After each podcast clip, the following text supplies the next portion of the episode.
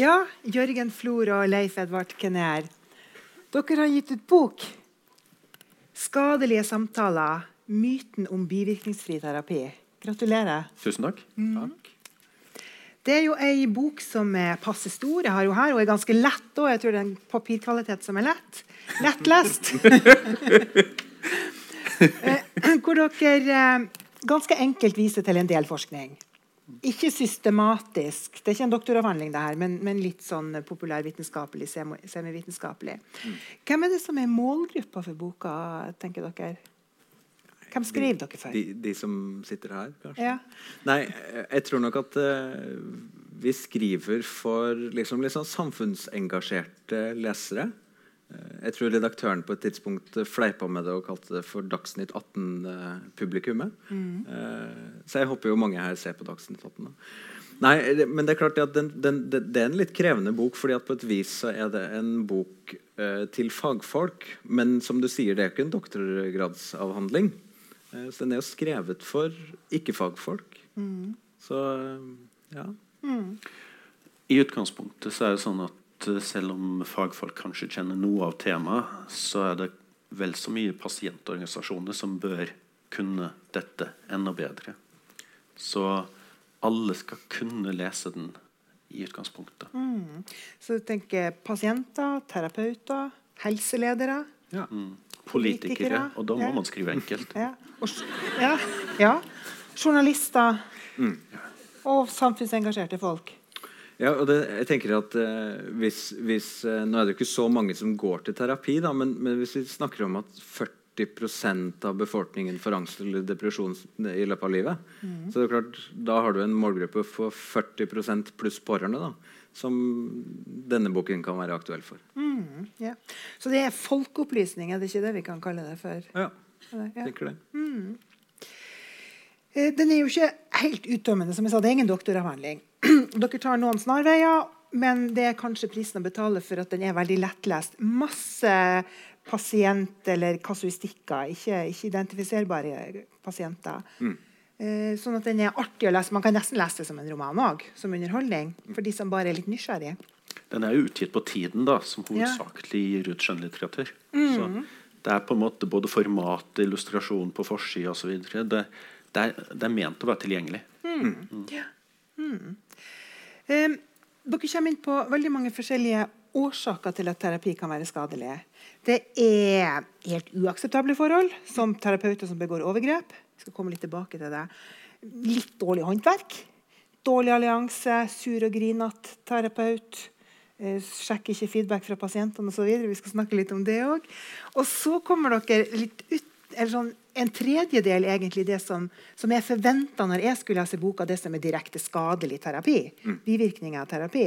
Og der har dere jo flere forskjellige ting. Så jeg tenkte at vi skulle komme tilbake til, til disse tre hovedbolkene. Altså helt uakseptable ting. Eh, litt dårlig håndverk, og at terapi faktisk kan være farlig.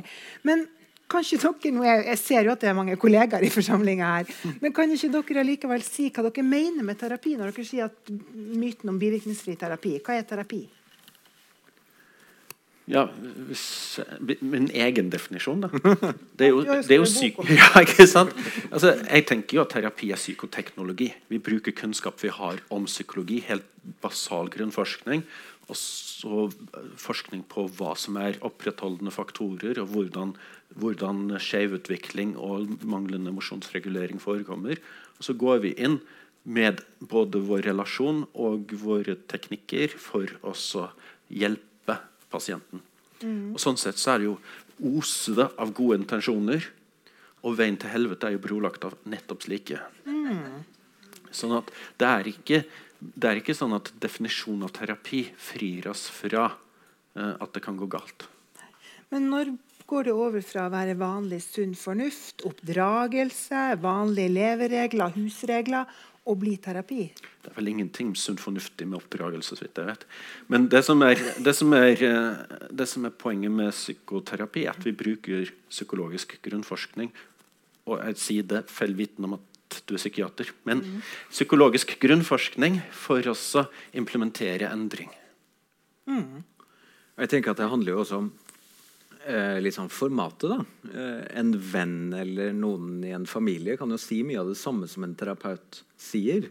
Eh, men med en gang du er på et terapikontor, den andre er helsepersonell. Det er noe med rammene med andre ord, som gjør at det handler om psykologisk behandling eller terapi. Mm. Eh, men jeg tror nok mange finner ut at terapeuter kan si mye av det samme fornuftige som en god venn ville sagt. Men det er noe med rammene. Det er noe med taushetsplikten, det er noe med rommet man er i. Ja, så en profesjonell relasjon, taushetsplikt, som du ja. sier, det er en egen profesjonell etikk som styrer ramma. Og det skal jo også være i det offentlige så er det jo helsehjelp. Så det betyr at man har allerede definert den ene som hjelpsøkende, eh, den andre som eh, hjelpgivende. Mm. Så det er òg en skeiv relasjon sånn sett maktmessig. Mm. Og alle de momentene som vi nevner nå, absolutt alle, inkludert det at man bruker eh, potente, virksomme metoder for å endre folk, alt det medfører at det kan gå galt. Mm, jeg skal komme tilbake til det. Eh, men hvis vi, Nå sa du noe om det her med, med, rammer og profesjonalitet. For dere skriver jo En ganske stor del av innholdet i boka er ganske sånn snacksy historier om overgrep. Og um, refererer stadig til psykiatere som ikke har holdt grensen, og psykologer som ikke har mm. uh, Metoo i terapirommet er jo et, uh, mm. et underkapittel. Mm. Eh, dere viser til litt gamle tall. Ja. Hva, fordi at der har du eh, Du vet kanskje hvordan tallet tenker på da? Undersøkelsene på 90-tallet? Ja, ikke sant? Du sier noe om at fram til 1990 så var det Vill Vest. Men det, altså, en del av de rommene som vi snakka om, var jo ikke født, på 19, var ikke født i 1990. Så det er jo gamle dager for dem. Jeg tenker... Kan, kan, vi, kan, dere si noe om hvordan det er nå? Og, og, ja. Jo, men dette er noe av problemet. Eh, terapirommet er et privat rom på et vis. Det er et hemmelig rom som man ikke får kikke inn i. Det er noe av styrken til det rommet. Um, og så er det klart at Vi har ikke vært så oppmerksomme på heller de mer sånn ekstreme La oss kalle det grenseoverskridelser. da, mm. uh, Hvor nesten terapeuten forgriper seg på pasienten. Jeg er mest opptatt av Ikke bare når, nesten av og til. Ja, når, når, noen ganger, ja. noen av eksemplene er overgrep. Mm. Um, og Det er klart, det kan man lese av statistikken til Helsetilsynet. Og det er et par, tre, fire, fem psykologer i året uh, av 10 000. Og så kan man spørre seg mørketall, og så kan man spørre seg hva med de ubehagelige opplevelsene som pasienter har? Mm. Hvor det ikke meldes inn. Hvor det ikke blir til overgrep. Jeg skulle til å si sex, men det er ikke sex, for det er et overgrep. Mm. Det vet vi jo ikke noe mye om. Og de undersøkelsene på starten av 90-tallet var uh, som, som, vi skriver om, var jo en sånn resultat av en bevegelse i USA og det litt sånn mer rettigheter inn i dette feltet. Og så gjorde man noen undersøkelser også i Norge. Men etter det så har det vært stilt. Jeg kjenner ikke til noen slike type undersøkelser. Jeg tror ikke vi ville fått urovekkende store tall, men vi ville fått noe. Og dette er jo uh, Mette Sundt Gundersen, som nå er gått bort, skrev en bok om akkurat dette temaet. Om grenseoverskridelser i terapirommet. Og etter det vel, ikke noe mye oppmerksomhet. Men de er jo små. Men økt grad av dropout for eksempel, er jo et langt større problem. Mm, men Dere har skrevet ganske mye om dette. Mm. Men det er selvfølgelig, Da blir det spennende å lese. Mm. Eh, men hva, hva, skal man gjøre for å forebygge? For det skjer jo av og til. Og mer overgrepstematikken? Ja, ja. Nei, det er klart at jeg tror man må kjenne igjen man må jo kjenne, For det første så er det noe, noe kollegialt her. Men det er klart og, og Sånn som jeg jobber med, med, psykologer bortover en gang på et sykehus, mm. eh, så, så, så, tror jeg du allerede har redusert sannsynligheten noe. Eh, det er noen skritt på veien før det kommer til et overgrep. Jeg tror noen av de skrittene handler om plutselig er terapien på kveldstid eller den er hjemme hos. Altså det er andre grenseoverskridelser før ja. uh, dette overgrepet, som andre overgrep. Mm -hmm. um, det er en vanskelig balansegang, for man må ha da mer åpenhet om hva som foregår i et terapirom. Samtidig er noe av poenget med terapirommet at det ikke skal være åpent for andre. Uh, så det er et krevende spørsmål, men jeg tror uh, alle sammen blir jo fortalt på, i løpet av studietida at uh, det er et par ting du skal unngå. Ikke ha sex med pasienten, og prøv å unngå rusmidler. I terapirommet, i hvert fall. Eh, og det tror jeg de aller fleste er med på. Og så er det råtne epler i vår bransje som i andre bransjer. Men jeg tror ikke det, det er nok ikke eh, en høy prosentandel, men vet ikke. Det er vanskelig å predikere hvem det er som kommer til å gjøre dette i utgangspunktet i, i hva skal vi si, personlige krisesituasjoner i løpet av livet. Hvis vi tenker mer på hva slags trekk som er til stede hos de som begår overgrep i utgangspunktet på bakgrunn av mer stabile forhold ved dem, så håper jeg jo at vi er flinkere og flinkere til å vurdere skikkethet innledningsvis på studiet. Men, men det er jo en vanskelig problemstilling. Det vi kan gjøre, derimot, er jo også å tydeliggjøre for pasienter om hvor grenseoppgangene går. Ja. Og vi er vel ikke spesielt flinke til å formidle det til pasienter. Så Det er kanskje noe som vi må bli flinkere til å tydeliggjøre.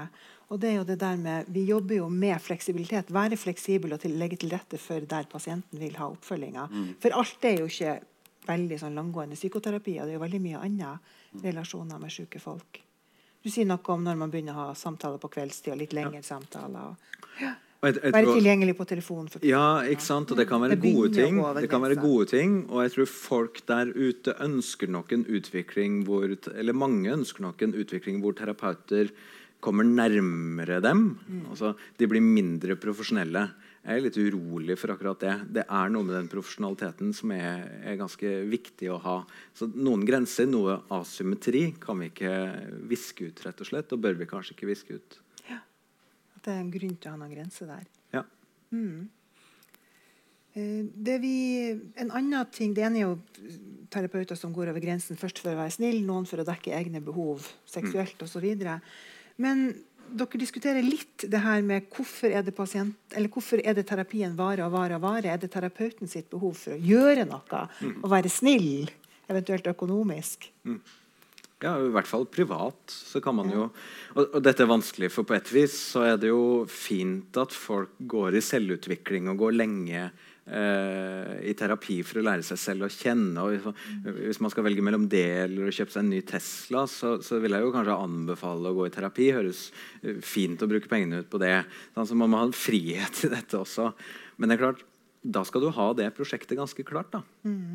Da skal det være ganske tydelig at jeg går hos denne private terapeuten nettopp av grunn for at jeg vil snakke om disse tingene og ikke har en uavklart altså Jeg har ikke et psykisk problem jeg skal fikse, men jeg vil, ha, jeg vil kjøpe meg en litt flåste, kjøpe meg en, noen som kan lytte til meg. Det kan man jo gjøre. Men da skal du være ganske enig med pasienten din om at det er det vi holder på med. Institusjonalisering er jo det begrepet vi bruker på folk i andre settinger som blir avhengig av systemene de inngår i. Eh, min holdning er at for mange terapier uten effekt har en håp om at det skal gå bra til slutt. Vi må bare holde ut litt til. Um, samtidig så vet vi at noen behandlinger har dokumentert at effekten krever én til tre års innsats. Men nok en gang, da vet man det, og da er det avklart på forhånd. Og så er det noen uh, checkpoints langs med veien som man også kan forholde seg til. Og jeg tenker at det her blir både en sånn på den ene og den andre siden spørsmål. Kjepphesten min er jo dropout. Så jeg skal bare nevne en gang til. Uh, du har for mye dropout på den ene siden. Du har for mye institusjonalisering og forlenget terapi som ikke gir effekt på den andre siden. Så er det jo et ledelsesspørsmål her. Og leder vil se de som har for lange terapier, fortere og være mer kritisk til de, sånn systemet vårt er lagt opp nå, enn det motsatte problemet. Og jeg vet ikke hvilket av de to problemene som er størst. Nei. Mistanken min at historisk sett så har lange ineffektive terapier vært et større problem enn drop-out som følge av at man ikke skjønner hva som foregår. at man ikke opplever Men da har du en mistanke om du har ikke tall på det. Nei, det har Jeg ikke. jeg tror, det er ikke at du er uenig, men jeg tenker at vi må jo ha tall på det for å kunne påstå det. Og det er litt det dere kritiserer folk som bare har påstått og ment og tenkt før. Ja. At nå må vi forske på det. Syns du ikke det? Ja, jeg tenker det. Ja. Så på en måte står i stillingsbeskrivelsen min og sier det om absolutt alt her i verden. Så, så straks Nei. Vi må forske på forsker, det. Vi må forske Ja, det det. Ja, så, så straks du sier 'dette vet du ikke', så tenker jeg ja, men det er jo ikke min jobb å vite det. Det er Jo, jo ikke engang mitt, det er jo ikke mitt det. tema. Nei, men du er Nei, jeg forsker på sex og sånt. Jeg.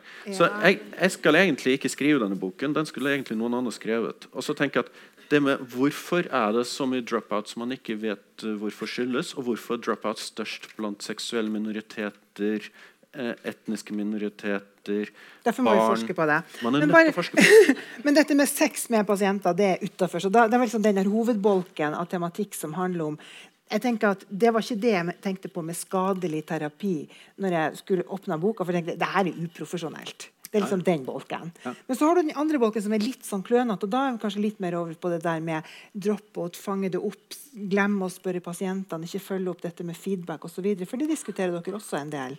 Ja, det, det, det tenker jeg jo sånn Hvorfor implementerer vi ikke feedback-instrumenter bedre?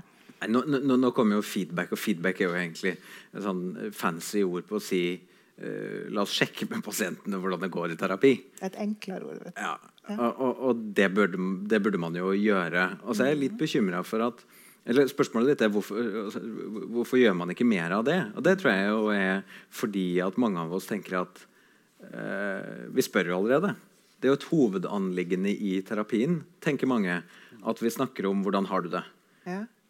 Men så er det noe da med å sitte der som pasient eller klient hos en terapeut. Du har investert tid, kanskje penger.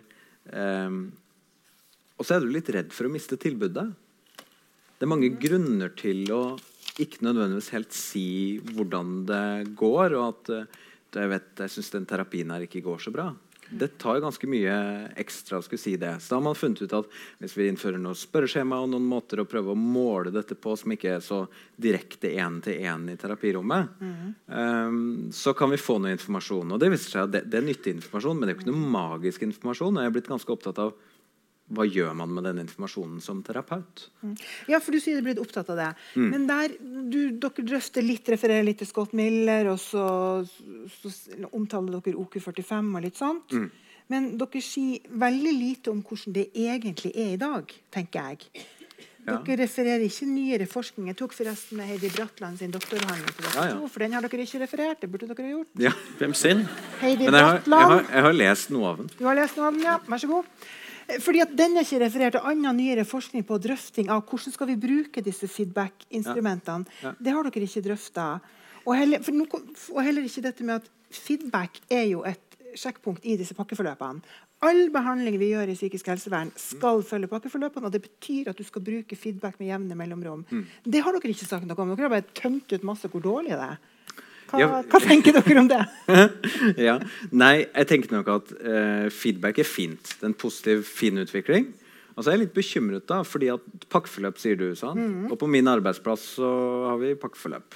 Det har vi overalt. Og der skal vi bruke feedback. Og så har man begynt å bruke feedback, dvs. Si pasientene fyller ut noen skjemaer, og klinikerne får denne informasjonen. Hva bruker klinikerne den informasjonen til? Og Scott Miller, som vi nevner her, som er en av de som har vært mye i Norge og undervist om dette, han sier jo det når det kom noen studier som vi da også refererer litt til, eh, om at feedback løser ikke alt. Faktisk så kan feedback ikke fungere i hele tatt, eller det kan gjøre vondt verre. Hva sier Scott Miller da? Han sier jo, men det er jo fordi at det er jo ikke spørreskjema som er poenget. Det er kulturen. Nemlig. Behandleren må være opptatt av og må også ha en plan for hvordan håndtere den informasjonen som kommer inn. Det hjelper ikke å ha et pakkeforløp som bare eh, får folk til å bruke disse skjemaene. Det løser ikke problemet. I Aftenposten før helga så sa en av eh, de som ble intervjua der sammen med, med meg, sa det at med feedback forsvinner forverring. Nei, det er feil. Han er professor, jeg er ikke, men jeg kan si det likevel. Og Leif eh, støtter meg. tror jeg. Eh, Men han forsker mest på sex. ja, og litt Ja, ja, det må han svare på. Um, Sa det. ja, han sa det. Men, men, Nei, men men jeg får høre. Nei, for jeg tenker, Dette er litt viktig å, Men, å utfordre. men eh, hvis vi prøver å se på hva feedbacken går på Feedbacken må gå på åssen går det mellom oss nå. Så det jeg tror veldig mange spør om, er åssen går det med deg nå. Det er ikke så relevant alltid som åssen går det med oss. Og det forhåpentligvis noen i salen nå som gisper. Å, han sa det. Men altså, relasjonelle aspektet her er ofte ikke så lett å sette på et skjema på den måten. Og noen av disse feedback-systemene blir jo da eh, krykker mer enn verktøy. At man fyller det ut bare for at man skal fylle det ut og hake det av. Altså, Men men det, det er jo faktisk sånn at det er mange som gjør det. Fordi det er innført ovenfra, ikke fordi det er en del av den behandlingen man gjennomfører. Da er ikke en del av konseptualisering av pasienten eller si noe om hva du skal gjøre videre i terapien. Mm. Når du ikke har noe integrert i modellen for hvordan du skal behandle, når du ikke skal sosialisere pasienten til det altså, Det blir et vedheng klistret på, det blir en gul lapp istedenfor at det er integrert i hva du jobber med rent faglig. Da får du det problemet at man gjør det og det blir 'going through the motions' istedenfor at det er integrert del av intervensjon. Men skal det ikke være en integrert del av intervensjonen? Det er jo derfor vi har det med. Det er klart, Mange kan bare hake det ut. Men det minner at det er der og skal hakes ut. Det minner oss jo på at vi skal gjøre det. Vi er jo positiv, vi er positive til feedback. Og det jeg tror du sier Jeg syns dere beskrev en ganske begredelig situasjon. Ja, Nei, vi sier at det er ikke en løsning i seg selv, og det er en helt annet. Mm. Så ikke ikke tro at det at man har innført feedback, så har vi løst problemet. Nå kan vi slappe av. Fordi, nettopp fordi at feedback handler om feedback-kultur. Det handler ikke om spørreskjema. Ja. Det hjelper ikke å gi folk et spørreskjema og tro at nå har, nå har, vi kontroll på hva som foregår mellom oss i et terapirom. Eh, det er mange grunner til at en pasient skal svare. Altså nå, senest i, dag, i løpet av dagen i dag så snakka vi om det på jobb. Hvordan eh, man rapporterer på et sånt skjema omkring selvmordstanker. Mm. Og så snakket Vi om at vi har forferdelig mange som rapporterer veldig veldig høyt på dette. Det er mye selvmordstanker der ute. Det, det, er det for så vidt i en sånn gruppe som, som, som, vi behandler. Men det var liksom litt for mye. Og så var det en som sa ja, når jeg snakket med min pasient om dette, så sa hun at ja, jeg måtte jo ta i litt da, for å ikke miste plassen.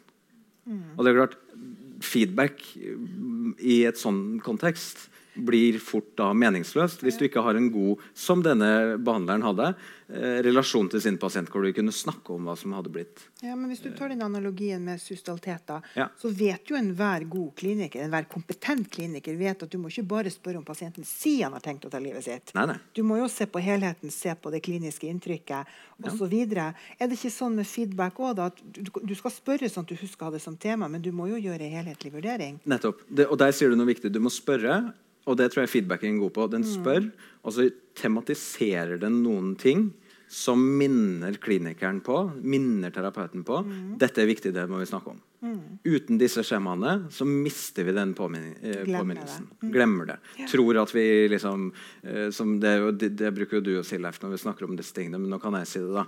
Eh, alle sammen tror de er flinkere enn gjennomsnittet til å kjøre bil. Mm. Alle terapeuter, dvs. Si 50% i en undersøkelse av terapeuter, svarte jeg tror ikke jeg har noen pasienter som blir dårligere her. Jeg. Det er det samme. De tror de er flinkere enn snittet til å kjøre bil. Det er derfor begrepet 'en kompetent terapeut' får vel til dette her. Mm. Ja, that by the grace of God go I. Altså, hvis, hvis, det å være kompetent var løsningen, da måtte vi bare gjøre folk mer kompetente. Men vi vet at det hjelper ikke mot skilapper å være kompetent. Men det å være kompetent, kompetent implementerer vel at du ikke har de skylappene? gjør det ikke det? Ja, og livet er nå fullt av mennesker.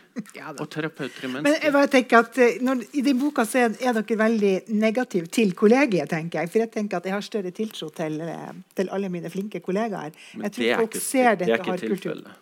Da, da, da, er jeg uenig. Så hvis, hvis det er det som er poenget ditt så tenker jeg at det er ikke sant.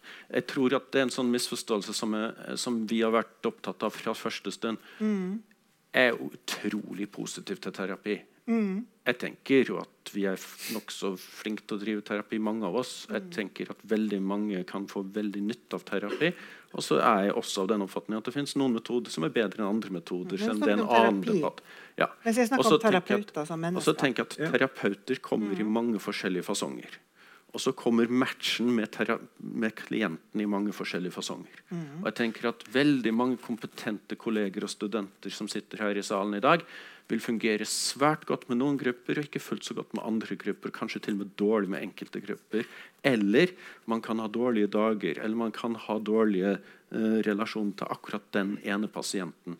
Mm. Og så tenker jeg at Det er ikke å kritisere fagfeltet og si at noen ganger så går det til helvete på tross av at man er både dyktig og engasjert og mm. ønsker å hjelpe. Og Hvis det også bare drive med kompetanseheving skulle løse hele problemet uten at vi trenger å tenke på disse tingene helt konkret, ja. så tenker jeg at da ville vi ikke hatt noe problem, fordi vi har drevet med kompetanseøkning i masse år. Og likevel så tror jeg vi har noe å tjene på oss å se på disse tingene helt mm. spesifikt. Jeg, jeg, ble jo også møtt Jeg hadde internundervisning på jobb her forleden. Og så, og, så, og så var det en del som ikke kom, fordi da sa ryktene at de, liksom, de syntes det ble litt kritisk og litt ubehagelig, dette. Sant? Eh, og, og da tenker jeg, da, da har man ikke lest boken, og det er helt ok, det. Men jeg mener heller tvert imot at vi har et ivaretagende perspektiv på terapeuter. Mm. Fordi vi sier dere skal ikke gå ut der og gjøre alle sammen friske. Det får dere ikke til. Og det er faktisk helt greit. Faktisk kommer dere til å gå ut der og gjøre, gjøre noen dårligere. Noen kommer til å bli dårligere. Dere skjønner ikke hvorfor. Det er også helt ok. Så sånn, det er det som, Når vi skriver om pasientsikkerhetskultur, så skriver vi jo om at det er en måte hvor også terapeuter i psykisk helsevern kan gjøre feil. Nemlig. Og det er helt ok, men vi må lære av det. og være nysgjerrig interessert i det. Ja, men Det er faktisk det farlige med å si at kompetente terapeuter gjør ikke feil. Det er, det, det er nesten provoserende, for å være helt ærlig. Mm. Nå kjenner jeg at jeg ble litt hissig her. Fordi, det er så å si, nei, men helt alvorlig, Hvis vi sier fagfeltet vårt er ikke godt nok hvis vi gjør feil Hallo, hvor skulle det høre hjemme? Og kompetente gjør ikke feil. og Kompetente har ikke skylapper. Alle mennesker har skylapper. Men Alle mennesker får ja. en uh, opplevelse i livet Men, av at uh, nå, er jeg, nå, er jeg, nå, er jeg, veldig dyktig, og da må jeg Og, og så bryr jeg meg veldig, og jeg, og, og er virkelig engasjert her. Men det er ikke i seg selv en, en løsning. Løsningen må være at alle kan komme til å gjøre feil, og vi trenger system som ivaretar både pasienten og terapeuten i en sånn setting. Ja, Men det var ikke det eh Inngangen til dette var jo dette med å snakke om bruk av feedback og hva det gjør i, eh, i kollegiet osv. Poenget var ikke at, folk, at pasienter blir dårligere. Men det, når dere skriver om dropout osv., så, så refererer dere litt til den Det var vel din hovedoppgave hvor dere har intervjua terapeuter, så kan det høres litt ut som terapeutene ikke bryr seg om, at, om dropout. Og det kjenner jeg meg veldig lite igjen i. Jeg kjenner kollegaene mine ja. veldig lite igjen i det, for det bryr man seg virkelig om. Nei, det, det som var så trist, da, ja. var jo at de brydde seg jo. Og det som var så trist også, er at jeg tror at jeg, jeg, jeg lagde negative effekter. Jeg. Når jeg gikk ut til psykologer og snakka om Uh, husker du om du har hatt noen pasienter de siste 20 årene som har blitt dårligere? Ja. Nei, jeg kommer ikke på noen. Å nei. Kommer du ikke på noen? Nei. Forskningen sier jo en sånn 5-10-15 blir dårligere.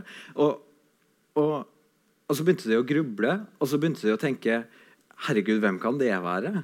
Sånn. Så de bryr seg. De bryr seg masse. Men fra utdanning i veiledningssituasjoner på jobben så er ikke dette et fokus. Jeg tror leger er mye flinkere. Når jeg spør leger hvor mange tror dere blir dårligere i, i, i, løpet av terapi, så svarer de mye høyere tall enn psykologene gjør. Mm. Sånn, men, men sånn, du sier at du spurte folk, og, mm. og de psykologene du intervjua, kunne ikke komme på hvem som ble dårligere. Det var vanskelig. Jeg tenker personlig, og veldig mange av mine nærmeste kollegaer, vi kan utmerket godt komme på en rekke pasienter ja, ja, som, vi, ikke, altså, som ja. vi lurer på hvor ble det av, hva skjedde her. Sånn at bare det det synet som, som, er der rundt den dropouten, tenker jeg at det er mer nyansert enn det som kommer fram i boka. Ja da, og Vi skal ikke, vi skal ikke, vi skal ikke kaste studier fram og tilbake, men det er klart ja. at det var, et, det var, et, innblikk i det noen norske psykologer tenkte om dette. Mm. Så det er andre som har et helt annet forhold til det. Men, men det er klart at når 50% i større undersøkelser sier, sier ingen av pasientene mine blir dårligere, da er det noe gærent. Så spørs det hva man har spurt om òg. Ja, For fra min kliniske hverdag så kjenner jeg det veldig lite igjen at ikke terapeutene bryr seg. Vi har, mm. det, det, var ikke det, det, vi har aldri sagt at folk ikke bryr seg. Men det går an å lese det sånn, da. Og da er vi enige om at det var ikke det dere mente. Er det systemet som bryr seg, eller er det terapeuten som bryr seg? Og hvis ikke systemet bryr seg, hva er det terapeuten kan gjøre med dropout når mm. det skjer? Mm. Og hvis vi vet at det er systematisk dropout, så er det faktisk systemisk dropout. Mm. Og vi vet at det er systematisk dropout, for vi vet at minoriteter, uavhengig hvor man definerer minoritetene, dropper out. Det kan være barn, det kan være innvandrere, det kan være uh, seksuelle minoriteter. Det betyr at samme om vi bryr oss, er, og det er ikke det vi har sagt, at vi ikke bryr oss, så er det slik at systemet eh, er ondt og ikke tar i vare disse. Og da, systemet ikke er godt nok. Nemlig. Mm. Og det betyr at uavhengig av hva enkeltskjebner på terapeutkontorer skulle mene føle omkring det, mm. så er det slik at vi har ikke i Norge problematisert dropout nok.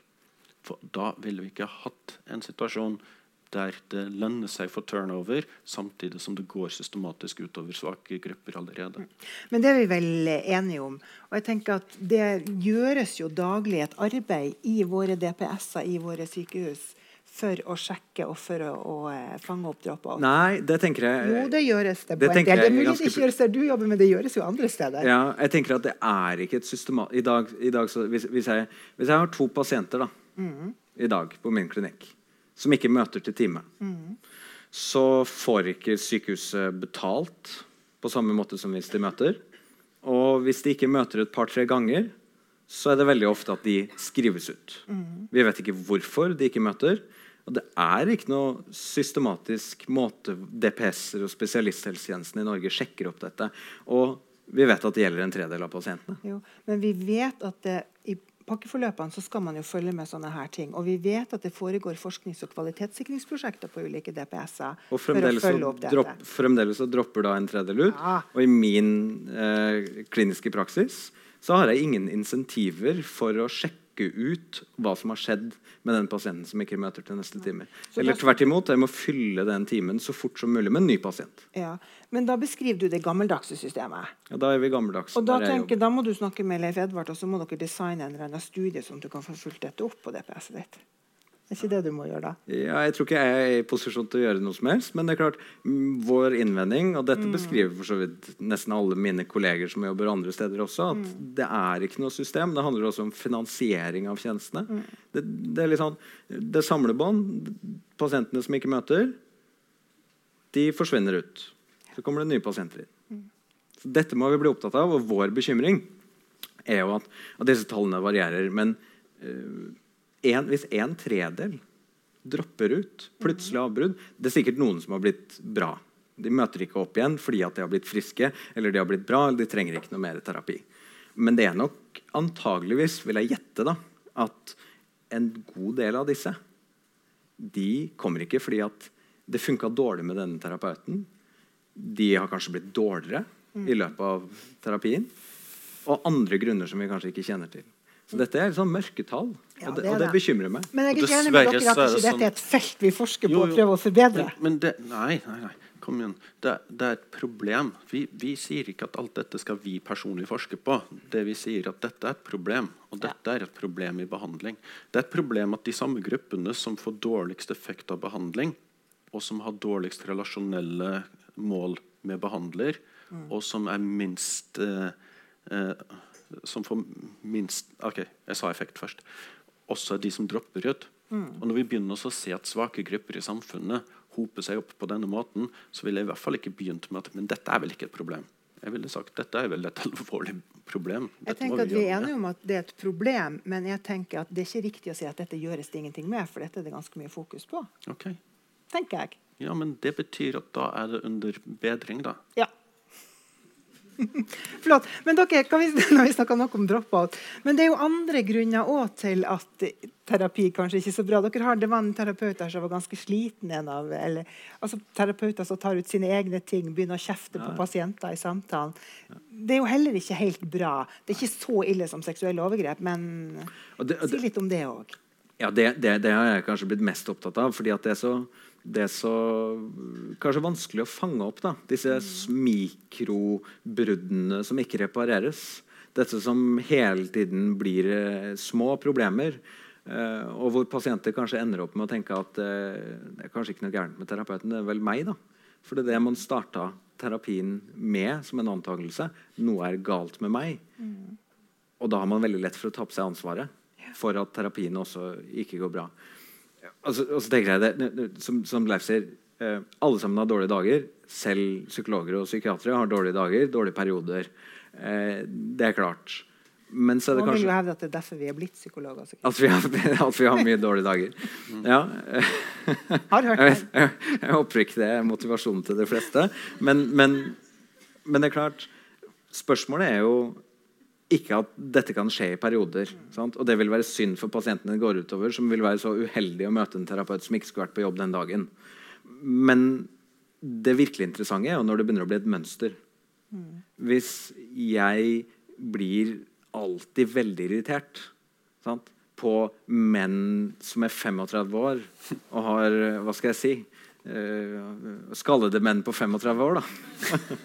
Hvis det fins mønster i dette, så, så, vil det være av interesse for pasientene, terapeuten, arbeidsgiver å være opptatt av det. Og det tenker jeg Det er krevende og vanskelig å være opptatt av, men det tenker jeg vi burde.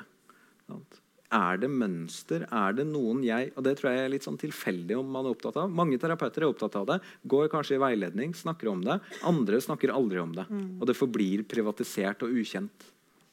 Og Det er jo et av de største problemene vi har. Det er at vi benytter oss selv som instrument i vårt yrke, og vi blir aldri kikka i kortene. Mm.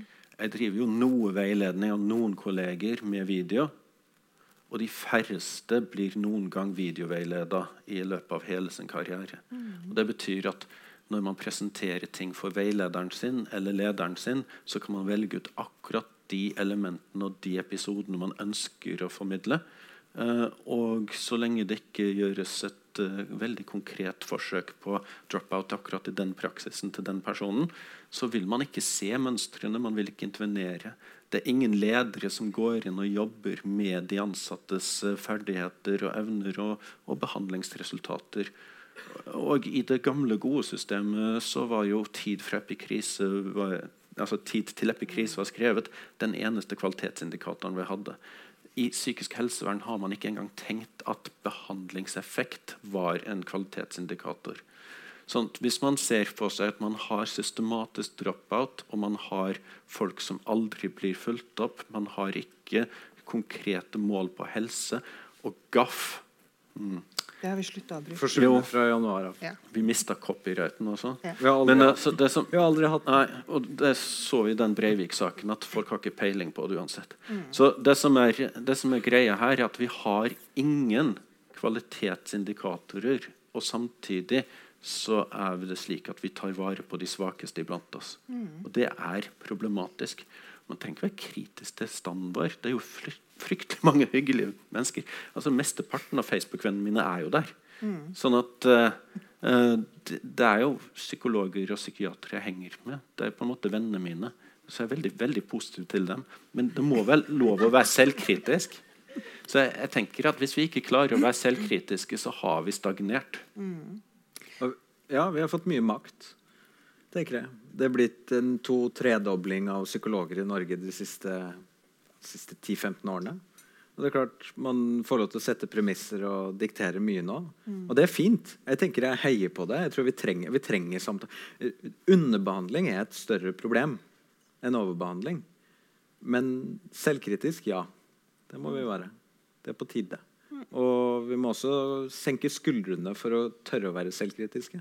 Det tror jeg er hovedinntrykket mitt fra arbeidet med dette. er jo at skuldrene går litt opp når vi snakker om det her. Jeg har jo faktisk eh, forsket litt på psykoterapi også, da, ikke bare sex. Uh, og en av de tingene som jeg vet er at Man velger ut de som man tror er flinkest til å drive behandling. Mm. Og selv de store internasjonale forskningsprosjektene der man har valgt ut altså de som har laget terapiene, har valgt ut de som de tror er aller best til å selge den merkevaren som disse bygge sin formue på, så er det slik at Jeg husker ikke tallet nøyaktig, mm. men vi har en god andel pseudoterapeuter.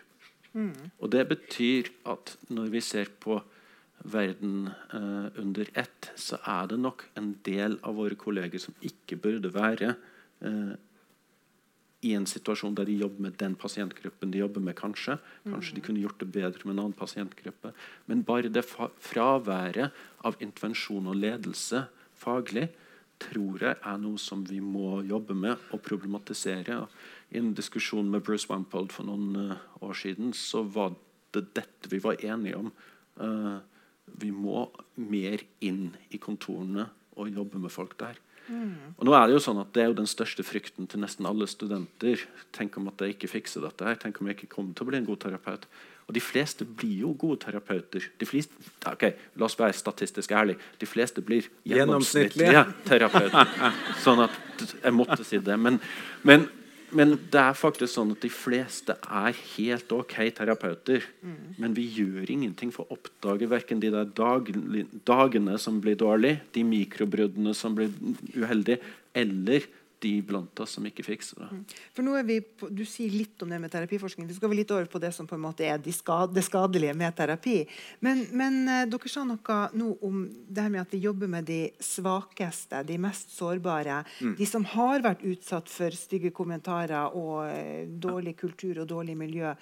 Og de aller svakeste psykisk utviklingshemma, som du sier, minoriteter, seksuelle minoriteter, en del andre, som virkelig ligger der nede, føler dem sjøl. Eh, Og, og så har vi disse dårlige dagene når vi er sure og griner, som på en måte kollegaer bør tåle det.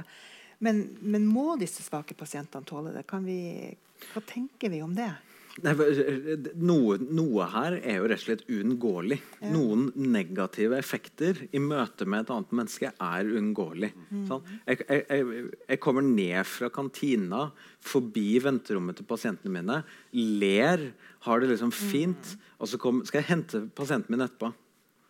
Som nettopp har sett meg lene og har det fint og hyggelig. Og så plutselig så er vi i en helt annen situasjon. Altså det er klart, Dette er komplekst. Det skjer mye. Um, og vi kan ikke forvente det er nok hovedbudskapet, tror jeg. Vi kan ikke forvente at pasienter som sliter med selvfølelse, depresjon, som bare det å møte opp et sånt sted er å ta et voldsomt stort skritt.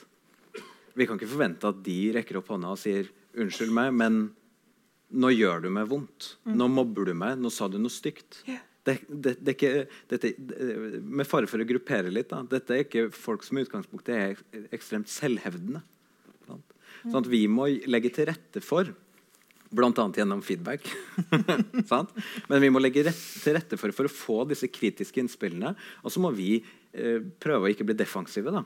Hvis noen sier til meg du ser trist ut eller du, nå ble- virka du irritert Hvis vi har kommet så langt i terapi at pasienter sier det til meg, så må jeg passe på da, så jeg ikke sier nei.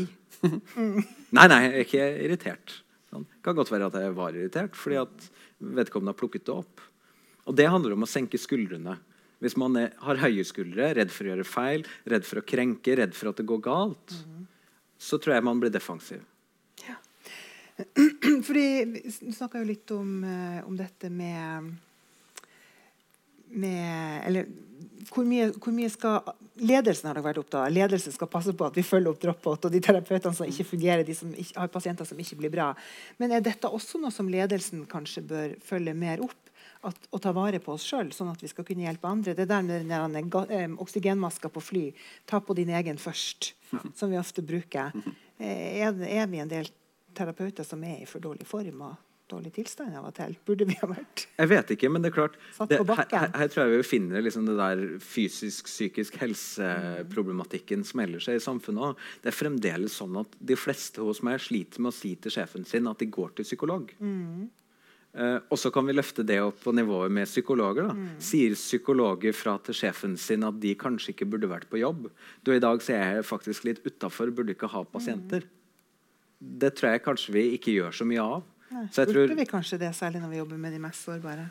Ja, det er jo enkelt å svare ja på det. Ja. Altså Det er krevende å finne ut hvordan skal vi gjøre det i et system som handler om at det er mange på venteliste, og det er underbehandling. og vi må, sånn. så, så dette er krevende. Jeg er bekymra for at mange som ikke opplever at de kan si fra om Nå må vi stoppe litt. Nå kan ikke jeg få nye pasienter denne uka fordi at jeg har det litt tøft nå. Mm. De som ikke får til det på, off i offentlig helsevesen, forsvinner over i det private, hvor de har mer kontroll selv. Og så får vi et privatisert helsevesen isteden. Det er en annen debatt, det får bli en annen bok. Men, men jeg tror disse tingene henger sammen. Men i det private så er de også opptatt av inntjening, altså, Ja. så det risikerer at det går helt på Men de tjener så godt vet du, at de kan være det. Ja, de gjør det, vet du. Men jeg tror at eh, de fleste kan fortelle historier fra eget, egen karriere at de skulle ha tatt en timeout sjøl, Ja, og ikke jeg. gjorde det. Sånn, jeg, jeg, var, Så er det i ettertid, altså, jeg var litt heldig. Den, I forbindelse med at vi fikk en sønn med Downs, Mm. så fortsatte jeg i jobb som ingenting hadde hendt. eh, inntil en eldre kollega spurte meg ville jeg gitt råd om noe annet til en annen. Ja. Eh, og jeg tenker at Det er jo en av de største problemene vi har som faggruppe. Vi er ikke spesielt flinke til å ta våre egne råd. Nei.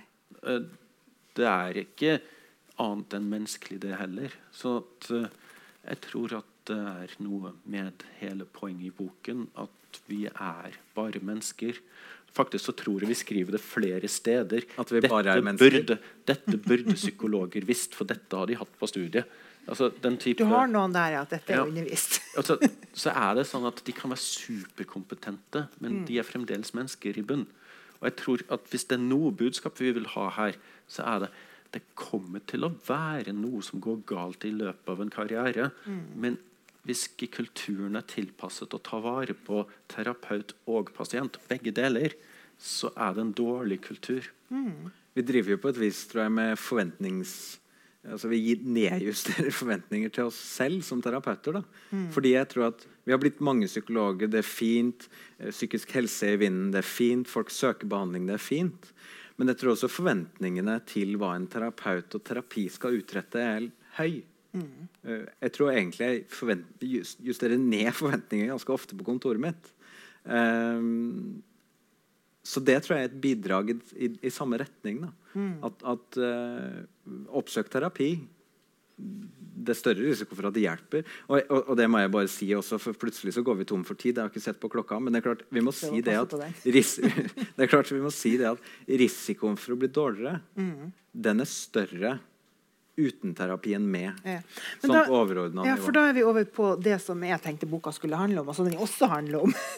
Det er jo dette med at når vi starter, når vi skal prøve et nytt legemiddel, når vi starter studier på det, så er jo det å registrere bivirkninger uke, det er jo noe av det første vi gjør, og det er det det rapporteres på. Hvis det er mye bivirkninger, Mm. så hjelper det ikke om medikamentet virker.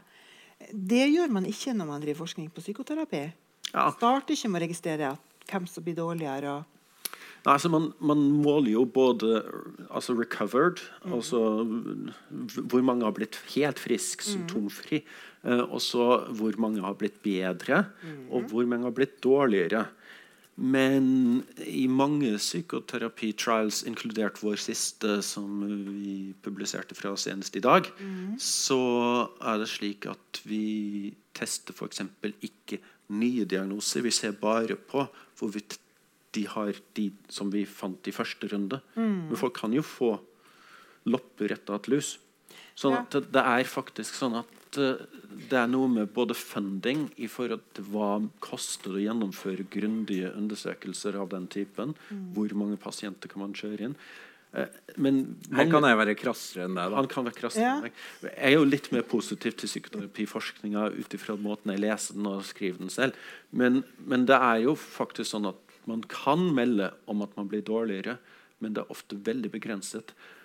Og så kan du si litt om hva man måler når man faktisk gjør bivirkningsbiter på Ja, for det er klart, jeg tenker jo at, sånn som du sier helt riktig, at det er, jo, det er jo Nå er det kommet dit at det er ganske mye krav til hvordan man driver legemiddelforskning. Ja. Eh, og det er ikke så veldig mange krav til man er, opp, man, man er avhengig av etisk eh, orienterte forskere som har satt seg inn i temaet negative effekter, f- for å være trygg på at dette rapporteres inn. Når en av verdens fremste psykoterapiforskere, Pim Kuipers, skriver uh, går gjennom forskning på depresjon, behandling av depresjon, for å se etter negative effekter i, i disse studiene, så det er det bare 6% av studiene han leser, som skriver noe om negative effekter. 6 det er Det er ingenting, ja. For på medikamenter så ville det vært 100% Og det finnes det studier som sammenligner da Ja. forskning på medikamenter og forskning på psykoterapi. Og så finner man sånne type tall. Og det er klart Dette er jo et kjempeproblem. Og det som er et enda større problem, er at når noen klinikere sånn som meg tar opp forskning da, fra sånne som Leif, og, sier, og, og så ser vi her står det ingenting om bivirkninger. Her står det ingenting om negative effekter. Å, nei, men da er det bivirkningsfritt. Ja, men da, går det, da er det jo bra, da. Ja. Problemet er at man har kanskje ikke sjekka det. Nei, ikke sant. Det, det er jo underkommunisert ut til pasienter, brukere, helseledere og kollegaer at uh, det er en del som blir dårligere. Dere viser jo til det, en studie her med tvangslidelse, eksponeringsterapi. Altså mye, det, det er ganske mye om hvor fantastisk bra det virker. Men her, altså én av fem blir dårligere. Ja. Det er lite flasha. Ja. Og, og, og det er klart, når du sammen, altså, altså det er For å ta det, øh, ta det ned igjen også Jeg er enig, du oppsummerer jo boken og mandatet på en måte fint.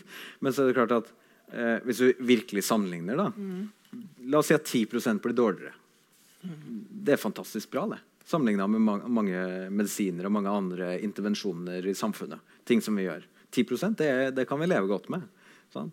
Så, så, så det er nesten litt sånn paradoksalt at vi, er, at vi har sånn berøringsangst på dette tallet og, og disse fenomenene, for de er egentlig ganske bra.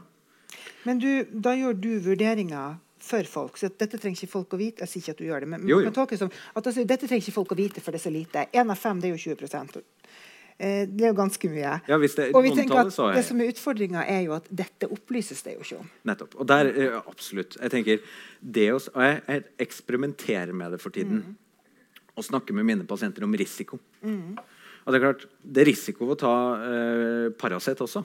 Mm. hodepine er vel en av bivirkningene ved å ta hodepinetabletter. Folk tar hodepinetabletter likevel. Jeg tror det bare øker troverdigheten vår ved å snakke om risiko. Selvfølgelig er det risiko. Hvis det ikke hvis det ikke hadde vært risiko, så kunne man jo tenkt at hva er det her for noe pjatt, liksom? Hva er dette for en liksom, Denne intervensjonen eller det du holder på med her, hvis det ikke har noe risiko og er ufarlig, så er det vel kanskje ikke så mye virksomt heller, da. Så folk er villige til å akseptere det. Eh, og jeg tenker at Og det skriver vel egentlig, hvis vi vet da, at 10% blir dårligere, så må vi etisk informere pasientene om det juridisk informere pasienten om det. Det er ikke noe mer å, jeg skulle ikke si, det er ikke noe mer å snakke om. Det er mer å Så må pasienten få det valget. ikke sant? For Ja. Pasienten får beskjed om at her er medikament, det har bivirkninger. Her er psykoterapi. Informert valg. Ja, men du må jo si at psykoterapi har bivirkninger. Det Ja. stopper jo ofte der. ikke sant? Ja, sant? det gjør det. er Mm. Men, Men, men det inne blir faktisk solgt som bivirkningsfritt. Ja, det blir Og det. det er jo ikke sant. Nei. Sånn at Det må vi slutte oss å si. Det er jo et av de innledende poengene i hele boken. Ja. Men jeg tenker at skade kan forstås på veldig mange måter. Det er jo ikke få så god behandling som man egentlig burde ha forventet å ha fått. Det er en form for skade, i den grad at det er en minus i terapien. Det å ha institusjonalisering eller tro på at man ikke kan hjelpes, det er en form for skade. Så jeg mener at Det er masse skadelige samtaler som vi omtaler. Det er ikke bare den bivirkningen. Altså, Undertittelen må ikke Ja. få lov til å definere Nei, hele boken. Skal, det, det er jo det ene at, med at psykoterapi det er jo potent. Vi vet jo og tror jo på at det virker. Og det er klart at da kan det virke negativt òg. Ja. Noe med ord kan drepe, og det der med negativ kommentar og sånn som alle vet. Det det. Det kan jo komme, komme i terapi òg. Men du Leif Edvard sa jo noe om det med, med at man ser på I psykoterapiforskning så har du pasienter med én Du klarer å definere det. Diagnosene er jo ikke Det er jo bare forsøk på å rydde. Pasienten har et problem. Dere sier, ja, dere sier noe om det òg. Så at man har setter en diagnose på en pasient, så prøver man en terapi, og så ser man om den diagnosen, de kriteriene er blitt bedre. Men da popper det jo gjerne opp en annen ting. Det kan Mye annet. Det Det er jo også et eh, element at mye psykoterapiforskning ser på inngang og utgang, Ja. og ikke Og det- alt, hele mennesket som er som lege kan Og si. det, det gjør vi i den siste studien vår også. Så en av de tingene som vi faktisk fikk kritikk for fra revyer, og kanskje det står i limitations på denne siste, er akkurat det. Vi, vi kartlegger ikke for nye tilstander som kan ha oppstått. Ja. Og det er ikke noe vi fordreier, sånn at vi skjuler noe, men det var rett og slett bare slik at med de ressursene vi hadde, så hadde vi muligheten til å sjekke ut det, om de hadde det de hadde ved inngang. Men, men en bredere kartlegging ville ha vært lurt. Men da skal det også sies, nå sjekker vi også i den siste artikkelen for livskvalitet og arbeidsinvolvering. Sånn at, eh, Ja, vi prøver å se mennesker bredere og bredere. Ja, ikke sant? Det er en viktig ting det der med å få inn Nav-data og se er folk i jobb, hvordan lever de egentlig. Tar de mye mer andre medikamenter? Går de mye mer til fastlegen og får smertestillende? Eller hvis du skal virkelig, da. Hva si partner? Ja. Så, så, så, Det er så, de som har det. Det er ikke alle pasienter Nei, som har det. ja, sant. Og, det- og, og det er klart, du kan måle utrolig bredt. Og det tenker jeg det bør forskere. Eh, og da bør de formidle til å gjøre sånne studier av god kvalitet. Men dilemmaet som klinikeren og terapeuten sitter igjen med, er jo skal vi lasse på med skjema til pasienten for å kartlegge bredt. Mm. Eh, nei, det kan jo også være en negativ effekt. Sånn at det er noen dilemmaer Alt det her er, er dilemma og balansegang. Men, men, men det er viktig å få ut til befolkninga generelt, dem som søker terapi, at her er det, er det forskjellige ting. Ja. Og at uh, våre kollegaer som sitter og er terapeuter, har dette med seg og får informert om det. Ja. Mm. På Twitter i går så kom det vel frem at uh, man trivdes bedre hvis man kunne velge hvilken behandling man fikk. Men det gjorde, Behandler. behandling. Behandling, Men det gjorde ingenting for uh, helsesituasjonen som du Nei. strevde med. Det tenker jeg òg er viktig å vite. Men det, nå har vi snakka om det med at, at terapi kan Du kan ha uheldige effekter av det, sånn som medikamenter. Men så er det jo mye annet, for dere snakker litt også om det med forskjellige grupper. Det er noen grupper pasienter som kanskje ikke skal ha terapi. Snakker litt om dette med debrifing og kriminelle eh, som settes i gruppe osv. Kanskje si litt om det òg? Altså, det var jo den der stresskoffert-krisepsykologi-faden som Ja. vi hadde i Norge og eh, Altså skjedde... skjedd, ja, hadde vi den, eller har vi Ja, fremdeles? Det vet jeg ikke. Mange det var i hvert fall større. Ja, det var veldig mye større før. Ja. Eh, og man har jo sett at eh, det var faktisk ikke så lurt. Avdekking av minner var jo en svær sak her i Trøndelag. Jeg tenker Det er ikke så rart. Det, fordi altså det vi snakker om, da, bare for å ta konteksten litt, det er jo det har vært en eller annen krise eller katastrofe, eller det kan være alt fra en brann eller noe traumatisk noe. Og så Før så hadde man og det er det jeg lurer på om man driver med fremdeles, det vet jeg ikke, en sånn idé om at la oss samle alle sammen og snakke om dette. Sånn, det, parolen til samtaleterapeuten 'la oss snakke om det'. Eh, Så setter man seg ned etter en, en, en krise og så snakker man hvordan var det for deg, hva så du? Hvordan opplevdes det? Så sitter man i en sånn gruppe da, og deler. Dette er jo det studentene dine Leif, burde gjort etter forelesninger. Da, da, man, man lærer jo bedre Det av å kalles snakke på den kollokvie. måten. Ja, det kalles kollokvie. Men kollokvie etter traumer er ikke noen god idé. Sånn Men det er det ganske mange som ikke er klar over. Ja, det er ganske det. mange Jeg i befolkninga ja. som forventer å få en debrifing og gjennomgang og katastrofepsykiatri. Og så sier noen at, at dette kan vi gjøre på en annen måte, og da er det ufarlig. Ja. Jeg, jeg er usikker. En av de mest spennende lille minihistoriene i boken er kanskje etter 9-11, der de som begynte å tilby krise, krisepsykologi der og da, var faktisk selv akademisk innforstått med at det ikke hjalp. Men vi må jo gjøre noe. Og den, den der ideen 'vi må gjøre noe', den tror jeg vi er nødt til å være litt mer kritisk til. Men jeg mener jo at kongeriket Norge har jo hatt litt for mye penger og kjørt eh, kampanjer og alt mulig slags intervensjoner i mange, mange år. Og en av de ting vi vet om folkehelsekampanjer, er at de kan A. ikke virke eller virke mot sin hensikt.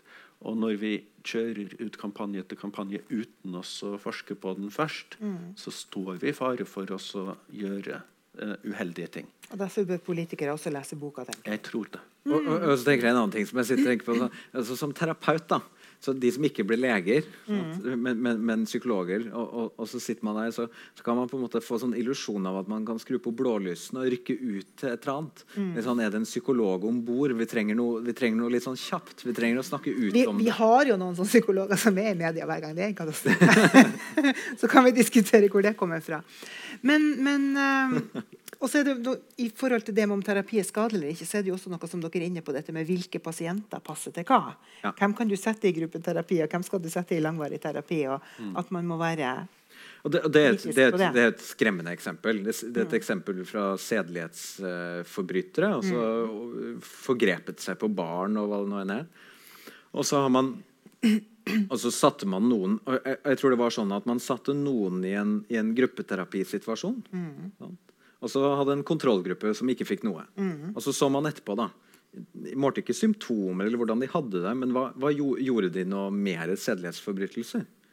Og så var det sånn at i gruppen som hadde fått terapi, så var det mer sedelighetsforbrytelser enn uten. ja. Altså Man kan spekulere, da, det, det vet vi jo ikke, men man kan spekulere i at da sitter man jo da og lærer kanskje, metoder for å unndra seg politi, eller for, ikke sant? metoder for å lure barn. Det er ganske skremmende å tenke på. Ja. Og det, vi kjenner jo det igjen fra en del personlighetsforstyrrelser, selvskader og dyssosiale osv. det er at, det er ikke at det er smitteeffekt. Men det er kanskje også noe av det som, som Leif Leif Edvard sier, der med hvilke diagnoser ser på. For det kan godt hende at disse sedelighetsforbryterne rapporterte etterpå på skjemaet at jeg er mye mer snill nå. Men du må se på helheten, du må se hva som skjer. Ja, og Det var egentlig det første, det aller aller første vi begynte å snakke om. når Ja. han tok opp dette temaet. Det var den klassiske 1977-artikkelen til Strip med at det fins forskjellige instanser som vurderer det. Ja, det det prøver du å gjøre nå. det fins tre forskjellige instanser. Samfunnet lurer på Nav lurer på kan du jobbe. Mm. Det er det de er interessert i. De er ikke interessert i så mye mer. Eh, behandler har jo sin teoretiske rammeforståelse. Pasienten har lyst til å bli kvitt aversive følelser. Men Ha det fint. Ja, ha det fint. Men hvis du har det fint, men de rundt deg har det jævlig, så er jo ikke det nødvendigvis sånn at du er motivert for terapi. Nei. Ja, dette er egentlig et fantastisk eh, poeng eh, og en fantastisk artikkel. Fordi eh, det, liksom, det vil alltid være motstridende interesser. Altså, noen kan få en ufør fra Nav og få bedre livskvalitet. Men samfunnet vil jo tenke på det som problematisk ofte. Så det vil alltid være motstridende interesser her. Og det må det jo også være når vi snakker om negative effekter. Sånn, den, den enkelte sedelighetsforbryteren det, det, det eksempelet her er jo liksom bisart å bruke, da, men den enkelte sedelighetsforbryteren kan jo være veldig tilfreds med gruppa. Sant? Samfunnet er veldig lite tilfreds med utfallet. Terapeuten kan være fornøyd fordi at terapeuten brukte sin teori, og det så ut som gruppa gikk bra. Så, så det, alt avhenger av hvilket perspektiv du anlegger. da. Ja, Jeg mistenker at forskerne i dette tilfellet forventet at det skulle gå bedre. Med Og det ble litt paff over ja. at det ikke ble det. Ja. Ja, sånn er det jo. Eh, dere nevnte litt dette med en institusjon her i Trondheim, Trøndelag og eh, falske minner. Det, nå er jeg over på noe annet med boka. For dere Pasienthistoriene er ekstremt anonymisert. De kan, tror jeg kanskje Fint. dere har sittet og dikta sjøl. men, men de er Vi har troverdige. ikke, Ja, ja, bra, bra du sier det. Vi har ikke det. Men dere, Så fantasifulle er vi ikke. Altså, det er en eh, forsker dere viser til noen ganger som på en måte har ment sånn og sånn. Dere kunne jo ha ringt han og spurt hva han egentlig mente. Det har dere ikke gjort. Men så nevner dere da Betania Malvik gjentatte ganger. Det kan jo være potensielt betent. Hva, hva slags refleksjoner har dere gjort dere rundt det? Om å bruke Betania. Ja. Bruke det konkret. Nei, det er jo klart eh, Det er jo Betania Malvik er jo et eksempel som står i sammenheng med de andre eksemplene på det å avdekke fortrengte minner.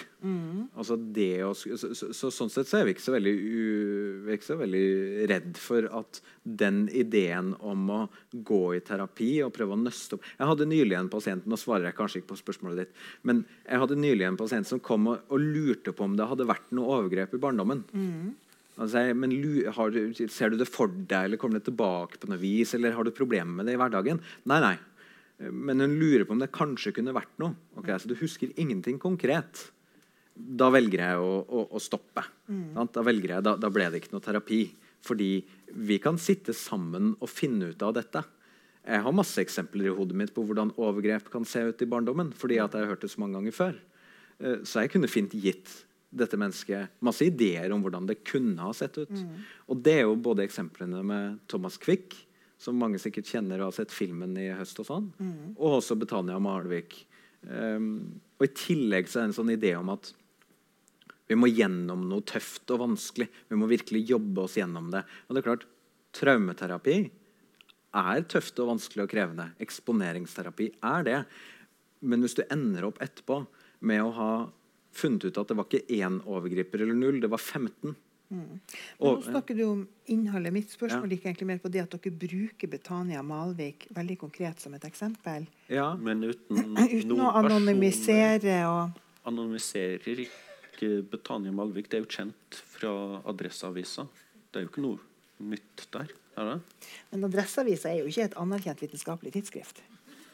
Dette er ikke en anerkjent vitenskap. det er ikke Daily Mail. Det er ikke Daily Nei, nei, så dere syns ikke det var litt skummelt? Men forklar hva, som, hva du tenker var skummelt med det, da. Jeg tenker at Det er jo mange kollegaer av oss som i beste mening har jobba der, og det er mange pasienter som har, som har vært pasienter der og opplever å ha Det, fått det tilbudet ble nedlagt pga. at det ble vurdert som problematisk. Jeg vet det. Jeg Men vet det var det, jo for jeg var instituttleder når rapporten til NTNU ble skrevet der. Mm. Så jeg fikk jo se det fra veldig mange forskjellige aspekter. Mm. Um, og jeg har en rekke relasjoner til folk involvert i prosesser rundt Mm. det. Um, men jeg tror ikke vi drar frem noen enkeltpersoner i noen av de situasjonene. Og jeg tror at det er en kjent sak der Mm. man drev med avdekkende metoder. Og jeg tror vi må våge også å si at avdekkende metoder er nok noe som viser seg å ha en eh, høyere grad av negativ effekt enn ikke Men snakka dere med kolleger som hadde jobba der, før dere omtaler Betania Malvik på den måten? Nei, Jenta- vi omtaler det journalistisk. Dere omtaler det journalistisk. ok. Vi har ikke snakka med Thomas Quick eller Sture Bergwall heller. Så Nei, jeg tenker noen men den er litt fjernere og Ja. litt annerledes. Ja vel. Kan, men er det noe konkret du tenker på nå? Ja, jeg tenker at Som leser så ble jeg litt overraska over at dere gjentar det flere ganger. Eh, Nei, det er én beskrivelse. Så jeg tror det er én litt utførende beskrivelse, så er det kanskje en referanse Det til er det. vist flere ganger utover Ja. boka. Mm. Og, og hva, Nei, jeg, er spørsmålet mitt er mer dere, hvordan dere reflekterer når man skriver når man skriver sånn her semivitenskapelig vi, har, vi er jo enige om at folkeopplysninger er kjempeviktig. Ja. Så at denne type bøker bør jo skrives. Ja. Og da er jeg bare ute etter refleksjonene deres rundt å bruke det. Om, var dere inne på at dette burde vi kanskje anonymisere og lage Som til det, et, et sykehus i Norge et sted? Ja. Nei, jeg tror ikke det ville hjulpet noe. Nei, Jeg tror, ikke så, jeg tror ikke det er så veldig sensasjonalistisk eller spekulativt måten vi har skrevet det på. Og alle navn som var tatt inn i første utkastet, er, var vel tatt ut i Da har dere slett ikke vært, Så de har gjort et redaksjonelt arbeid der. Ja. Ja, greit. Men eh, vi, vi eh, har vel snakka lenger enn vi var enige om at vi i hvert fall måtte snakke. Eh, men dere sier noe om, også om at eh, eh, Om at eh, noe av det som kan være skadelig, det er jo at folk kommer inn og lurer på Ikke nødvendigvis overgrepen. jeg har sikkert et eller annet problem, noe jeg burde snakke om. Sånn amerikanisering, om å gå til en terapeut. Det har jo vært en del i media, og Tone Sofie Aglen har jo skrevet en, en sak om det. Disse unge menneskene stakkar, de, de må jo ha, lete etter problemer osv. Er det sånn at vi egentlig har for mange psykologer nå? Er det det som er Nei, vi Må vi ha en for stopp der? Ja, vi må, jeg, altså, jeg vet ikke om vi skal stoppe, men, men, men det er klart um, På et eller annet tidspunkt så kan man jo spørre om hjelp på det, men, men, men, men det får noen andre enn meg spørre Ja. om. Uh, jeg tenker at det, dette, dette er veldig krevende å navigere i, fordi åpenhet om psykisk helse er bra. Ikke utelukkende alltid og til enhver pris, men i utgangspunktet veldig bra positiv utvikling. Flere psykologer, stort sett bra, det også. Eh, det er fremdeles et underbehandlingsproblem. De fleste som, som er behandlingstrengende for psykiske lidelser, får ikke hjelp. Ventelisten, Det er helt absurd å snakke om dette i min hverdag, eh, hvor, hvor- hvor det er så høye ventelister, og, og folk burde kommet inn mye fortere og i hele tatt fått lengre tilbud. Og sånn.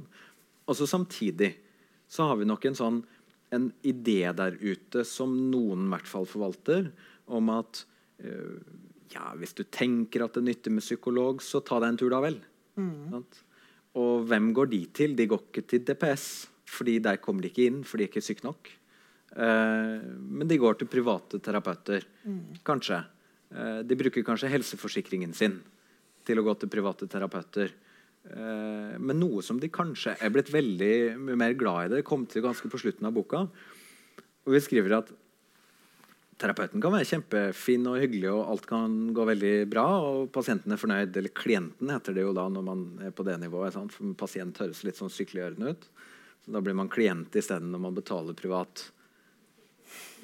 Det er klart bare det å gå til en profesjonell med noe som du kanskje heller burde snakka med en venn eller noen i familien din om, er jo en slags profesjonalisering og en sånn Jeg tror vi kaller det outsourcing av noe som kanskje bør ligge i familie, og venner, og så blir det flyttet over til en eller annen terapeut. Folk, Vi klarer jo ikke å stoppe det. Men jeg har jo en slags sånn, og nå, nå, nå beveger vi oss fort inn i politikk, men jeg har jo en sånn idé om at vi driver jo ikke betaler for å utdanne folk seks, i seks år for at de skal sitte og ta imot folk som bare trenger noen å snakke med, og som har ganske mye penger til å holde på på den måten. Og som kanskje til og med kan være skadelig. Ikke sant? For det er da det blir spennende, når du tar med det perspektivet at hvis det er en risiko å gå til meg, selv om du egentlig ikke har store problemer, og dette kan bli hyggelig Men hvis vi snakker om risikoelementet da, så, så, så innfører vi noe som i hvert fall Da må terapeuten avkreves noe prioritering. Altså I offentlig helsevesen så er dette lett. Prioritering er en del av det. Vi må prioritere hardt, og vi prioriterer mye. Men den private terapeuten må i utgangspunktet ikke prioritere en dritt. Men med risikoelementet så krever vi etisk-juridisk at den private terapeuten også må prioritere eller vurdere. Ja, på samme måte som, og det bør jo kanskje pasienten se på òg. At Ja. du tar jo ikke cellegift for sikkerhets skyld hvis du ikke er syk. Nei. Selv ikke antibiotika, stort sett. Kanskje du ikke bør gå til terapeut heller hvis du ikke trenger det. Man behandler på indikasjon. Ja. Det lærte jeg når vi hadde nyfødt som var litt gul, men ikke gul nok. ja. Og Det syns jeg var faktisk veldig, veldig befriende. Jeg synes det var irriterende selvfølgelig også. For jeg hadde lyst til at de skulle legges på lys fortest mulig. Hvorfor vente til de var gul nok? Men eh, jeg tror det behandler på indikasjon er lurt. Så har vi også det problemet at det ser ut som at det blir faktisk mer psykisk lidelse blant unge. Og jeg, jeg har vært en av de som har holdt igjen i intervjuer i media på det.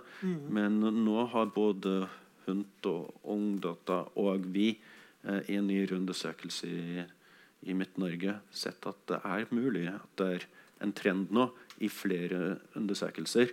eh, sånn at det kan hende at vi er fremdeles for få. Mm. Men så er det en cutoff, da. ikke sant? Hvis halvparten av befolkninga har det, så Altså, spørs det hva vi skal definere det Og som. Da, da begynner det å bli ganske spennende, for da kan vi begynne å snakke om diagnoser igjen. Som mange vil ha bort. Eh, og det skjønner jeg godt, for det er trøblete å snakke om diagnoser på samme måte som i fysisk, helse, eh, fysisk somatikken. Eh, men det er klart, diagnoser har i hvert fall en funksjon at de sier noe om at du skal få, du trenger ikke. Og det skal vi ikke kimse av. Men da skulle vi hatt diagnosedebatt, så hadde vi jo Vi skal ikke ha den i dag. vet Nei, du. ikke i dag. Nei. Men, men, men det kanskje et prinsipp som vi ikke har nevnt hittil i dag. Vi har snakket om hvor mange må vi behandle for at det skal bli bra.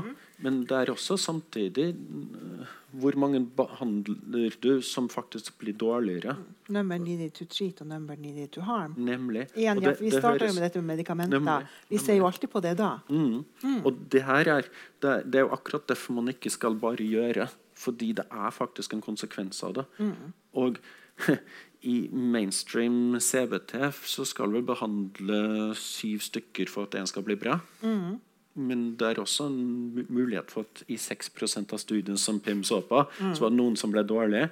Så da må du korrigere det tallet litt. Ja.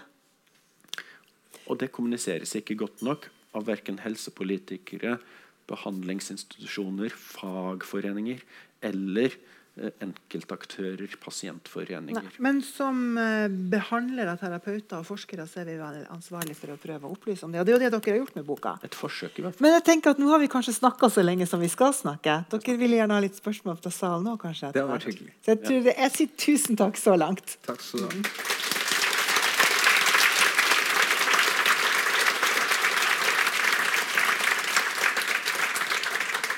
Det er en mikrofon der. Er det noen som har spørsmål og kommentarer? Ja, er en, her er det flere, faktisk.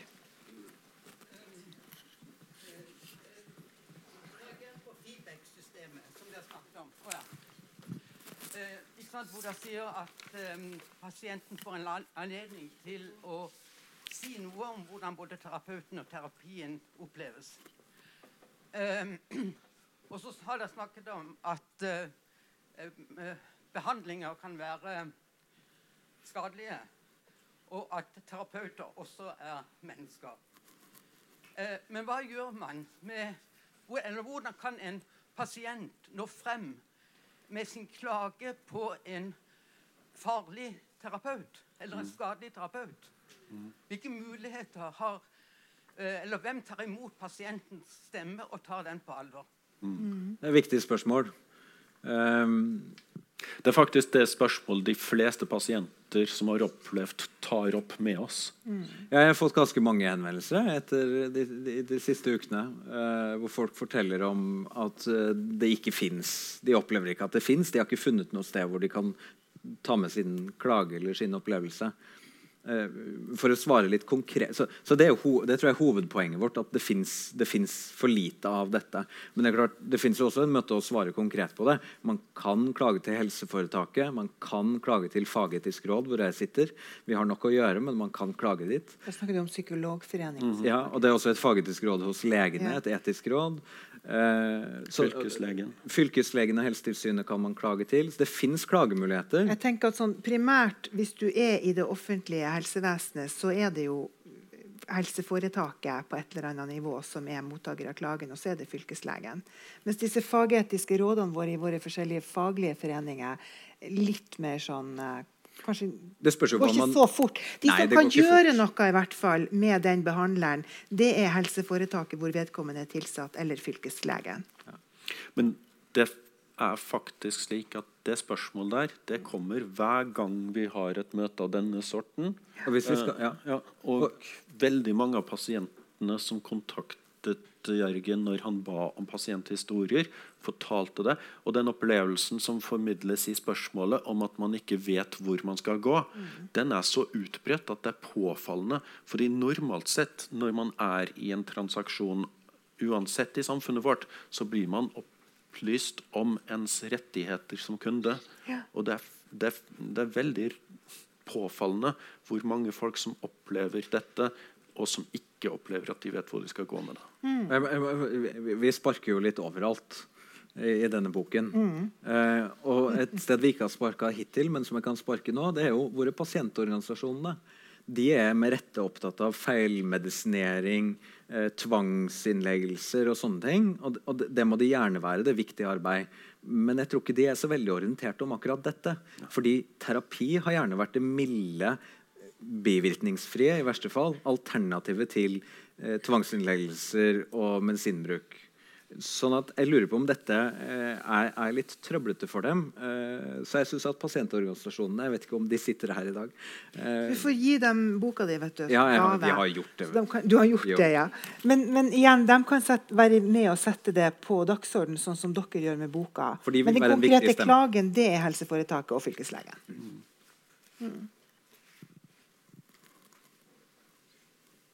Takk. Ja, jeg heter Jorunn Porelleberg. Jeg er en privat eh, terapeut. Eh, og det vil jeg gjerne respondere til det du sier, at de kan like godt eh, snakke med familien eller venner eller noe sånt. Det var kanskje var litt sleivt av deg, vet ikke. ja da, det var Men litt slemt. eh, altså, når jeg, da, jeg har også familieterapeutisk bakgrunn. Og jeg er også sosiolog, da, så jeg er liksom litt sånn bredde på det jeg driver med. Eh, og min opplevelse er at når folk kommer, så har de liksom Mange har kvidd seg veldig lenge for å komme til en terapeut. Eh, og det som jeg også får, har erfaring med, det er at de sier ja da, det er jeg har snakka med venner og sånn, men de får så veldig mange råd som nå må du ta deg sammen, og det der må du bare glemme, og det der er ikke noe å bry seg om. ikke sant? Sånn at, at ja, Jeg føler i hvert fall at jeg gir eh, bedre hjelp enn det. da. Og så var det dette med at det undres liksom over hvor mye egenterapeutisk eh, behandling man får i studiet. da, Psykologistudiet. For innen familieterapi så må du gjennom 30 timer med egenterapi. Og da blir det ganske belyst på hvordan du jobber med klienter da, eller pasienter. Eh, liksom, eh, du kunne få spørsmål om hvorfor spurte du om det. Ja? Du kunne ha spurt om det. ikke sant? Og, og hvordan har du kroppen din i forhold til pasienten? Eh, sånn at Det syns jeg var veldig fin eh, Jeg følte meg veldig friere til å gå ut som terapeut etter en sånn eh, en sånn eh, en, en type hjelp. da. Sånn at eh, men det er kanskje på trappene at eh, også psykologene får den type eh, del av studiet sitt og får den egenbehandling. Da. Og så tenker jeg har et sånt ord som er transparent. ikke sant? At du eh, sier fra hva du driver på med. Eller hva du Og så er det også dette relasjonelle, da. Fordi at Som sosiolog så, liksom, så er jeg veldig bevisst på det klasseperspektivet. At eh, en behandler som ofte er fra et eh, borgerlig, har en borgerlig bakgrunn på det, altså, jeg har ikke det, og det faller meg veldig lettere å snakke med folk som også har en sånn derre mm, vanlig bakgrunn, da, for å si det sånn. da. Eh, jeg tror det elementet er veldig viktig. At du er bevisst liksom, på hva bærer du med deg av eh, klassebakgrunn eh, eller bakgrunn generelt. da. Det tror jeg er, ganske viktig. da. Ellers så er det jo forskning i hvert fall innen familieterapi som viser at det er ikke den metodiske ryggsekken du har med deg, men det er møtet mellom Men det er liksom ja, det er møtet mellom klient og terapeut som avgjør om det blir et godt resultat eller ikke. da. Så det, det, det viser jo hvor viktig ja, det viser jo litt det òg, da.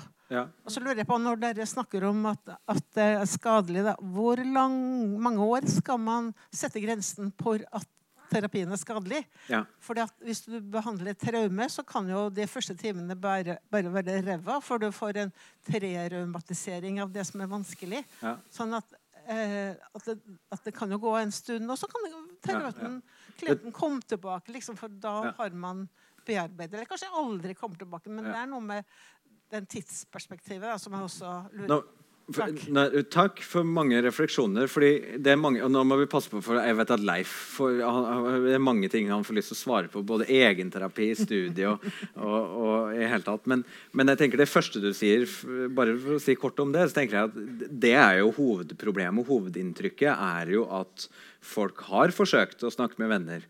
Og venner og familie sier stort sett en eller annen variant av å prøve å fikse problemet istedenfor å lytte til det. og sånn, Så terapeuter har vi jo tro på. Sånn, dette er en vanskelig det, det, Hovedproblemet er underbehandling, eh, ikke overbehandling. Men det fins også. Vi må snakke om begge deler. Og så vet jeg ikke om vi tør å begynne å snakke om egenterapi, for da blir vi sittende så lenge. Du har mange meninger om det, Leif. Ja, det er forsket på òg, og det er jo ingen effekt av det. Så kom igjen, da. Det er jo En ting er jo grunnutdanningen, og så er det jo videreutdanningen. Det er jo veldig mye forskjellige systemer for det, og hvor du har egenterapi og ikke. Det blir for vidt, tror jeg, å snakke om hele Nei, utdannings- og videreutdanningssystemet. Og så er det forskjellige skoleretninger. Ja da, det er det.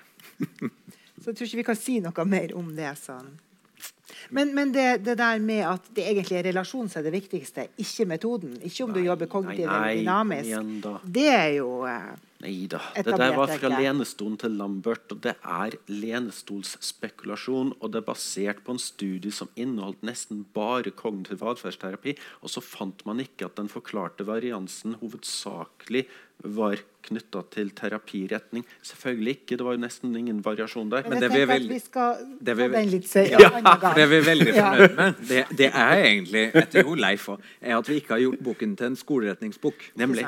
Fordi det, det, det kan det bli, og det, har vi, ja, jeg vi har unngått. Og det tenker jeg er viktig å si at det her er ikke en lærebok i psykoterapi. Det her er et innlegg i forhold til hvordan politikere, helseledere skal forholde seg, og hvordan vi som behandlere skal prøve å påvirke dem. Ja, og det her er utrolig viktig. Det kan skje i alle terapiformer. Mm. Det, sånn, det er ikke sånn at det automatisk er én terapiform som er fri for det. Nei. Akkurat som at det er ikke noen med en kompetent terapeut som er fri for det heller. Nei. Ja. Jeg tror, nei. Ja. Ja, Jeg fikk i hvert fall har mikrofonen, mikrofonen. Ja. Det er der som vi vil er ha den etterpå. det er makt til mikrofonen. Ja.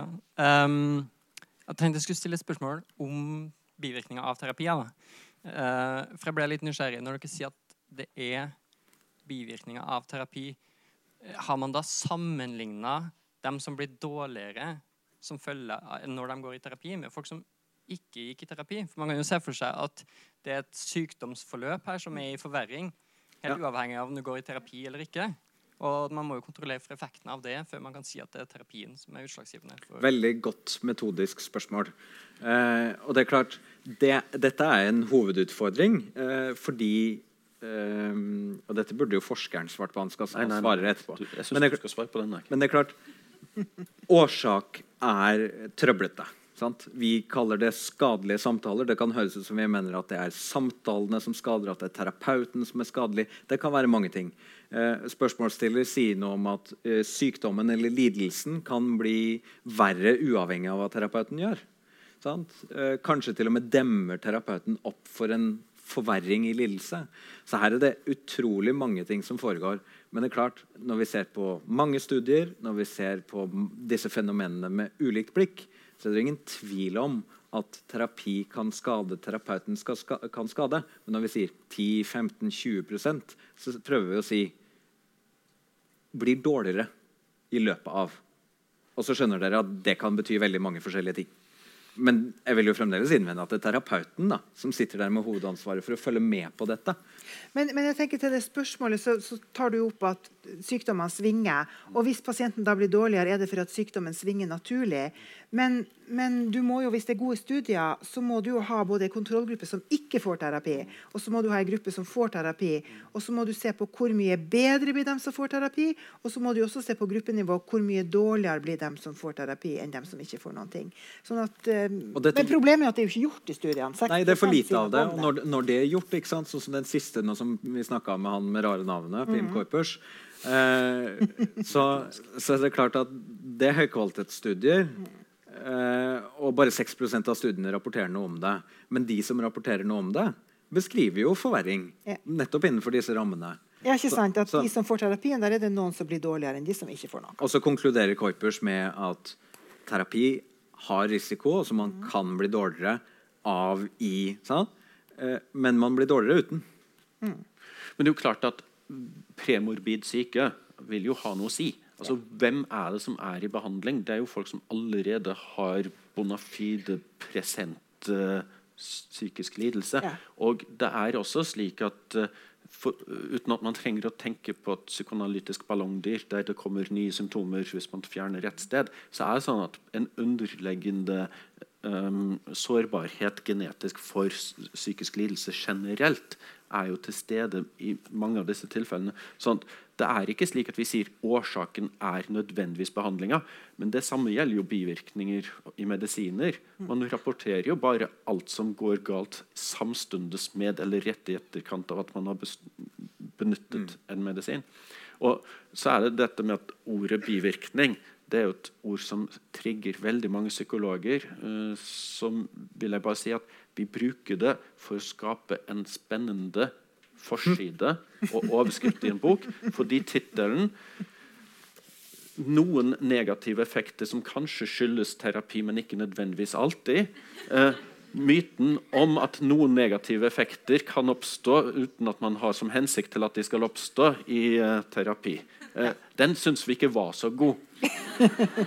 Altså må jeg si en ting, jeg må si en ting og det, Dette spørsmålet er kjempegodt, det, det som spørsmålsstiller hadde. Men det er påfallende, syns jeg, hvor når man sier, snakker om negative effekter, så blir psykologer og kolleger og sånn he, helt riktig, helt med vilje, helt fint, opptatt av årsakssammenhenger. Men når vi snakker om positive effekter av terapi, så, så, så er det liksom litt lettere å snakke om. Sant? Det, det bare, vi har bare bytta ut fortegnet. Minus pluss. Det er det samme problemet. Årsakssammenhenger. Det er der, men det var en der. Har du kontroll, du? For nå blir det bare beklager, vi er litt liten kontroll på hvem som var først her. Det tar jeg på meg ansvaret for. OK. eh, jeg kjenner jeg sitter med veldig mange spørsmål. Sånn, jeg har lyst til å diskutere dette her. Eh, men eh, dere nevnte spesielt én ting som jeg jeg har vært litt sånn i det siste opptatt av. Eh, og det er dette her med altså, videre kvalifisering av psykologer og terapeuter. Så, altså, nesten sånn etterutdanning eh, og oppfølging. Uh, som jeg har fått inntrykk av at altså, hvis du fullfører spesialisering som psykolog, så har du slik at du er nødt til å ha mm, jeg tror det er noen kurs per år, eller hvert femte år, Ja. eh, for å fortsette å ha spesialiteten. Men hvis du kvalifiserer deg som kun som psykolog, kun som, så trenger ikke du ha noe videre oppfølging eller opplæring. Eller refresh av pensum og nye ja. um, Og du kan jobbe helt privat i et lite kontor helt Uten alene. veiledning. Ja, Um, og nå er jeg, jeg har lest litt om hvordan dette her gjøres i USA. Uh, og der for, Da må du også ha doktorgrad for å bli ansett som klinisk psykolog. Men der er det at de er nødt til å ha så og så mange at Det blir basically studiepoeng, jeg tror det heter ICD-poeng eller noe, Uh, for å bare beholde lisensen din. Mm. Og jeg lurte litt på hva er det som gjør at det ikke blir oppført i andre land, som f.eks. Norge? Men ja øh, Litt av problemet tenker jeg er jo at hvis vi skal ha en annen kvalitetssikring av psykologer, som jeg tenker Norsk psykologforening er jo for så vidt opptatt av, men hvordan skal vi gjøre det? sant? Hvordan skal vi kvalitetssikre disse psykologene? Og så har vi denne spesialiteten og noe kursing og noe greier og noe veiledning og sånn. Det er jo ikke sikkert at Sånn som Leif sa i stad, Hvis veiledning aldri innebærer at folk ser det på video som terapeut, så, så blir det bare en falsk trygghet. Og så får en sånn assosiasjon rundt USA, hvor det er liksom søksmål om malpraksis og den justifiseringa av dette yrket på en annen måte. Og så En siste tanke bare setter jeg over til han. Eh, det fins en podkast som heter Very Bad Therapy. Som handler om Den er, ganske, den sånn- den er mer sensasjonalistisk enn boken vår. Den er amerikansk. Um, men der, der, da får man tanken om at okay, det er ikke sikkert det er mange flere mennesker i USA. Da. Men, men det fins ganske mange historier til tross for at de kanskje har noen studiepoeng også. Så vi skal være litt varsomme tror jeg, med å, med å, med å ha sånne kvalitetssikringssystemer og tenke at de gjør jobben. Jeg tenker at eh, Hvis jeg hadde vært pasient eller klient, så hadde jeg vært opptatt av Får du veiledning? Sant? Har du et videokamera og tar opp timene av og til? Eh, tan hvilke tanker har du om terapi? Sant? Fortell meg litt. Uh, hva er terapi for deg? Altså, jeg ville intervjua litt. og så er Problemet at uh, stort sett så er folk langt unna at de kan velge seg terapeuter. Du blir tildelt. Men det er jo ikke altså, bare si at En amerikansk doktorgrad er ikke det samme som en norsk doktorgrad. Nei. Så, det er mer en, en hovedoppgave ofte det der de må ha. Eh, og så er det jo ikke sånn at Selv om vi ikke har krav om dette på samme måte i Norge, så vil jo de aller aller fleste fagfolk sørge for å hele tida være oppdatert. Og det ene er å få veiledning og feedback, det andre å gå på kurs, og det tredje er å være en del av et kollegium og snakke med folk. Så, sånn at Om ikke lovkravene er der, så, betyr ikke at det er villvest for det. Nei, det betyr ikke. Men det er klart, det, det, det er et tankekors da, at når du er spesialist, psykologspesialist har gått denne etterutdanningen, så slutter f.eks. sykehusene å betale eller sørge for at du får veiledning fra en kollega. Akkurat som om du er utlært. Det er ikke noen naturlov, det, men det er jo Nei, men Det er sjeldent at du får det. Ja, men det er jo ikke en naturlov. Jeg vil bare at flere skal få veiledning. Ja, det, det, ja, ikke sant? men, men eh, jeg tror ikke kursing alene redder oss fra problemet. Uh, nei. Så, så, jeg tenker det er et betimelig spørsmål. Det er klart at vi trenger å åpne det terapirommet litt oftere og finne ut hva som foregår i det. det en, jeg tror det er litt sunt.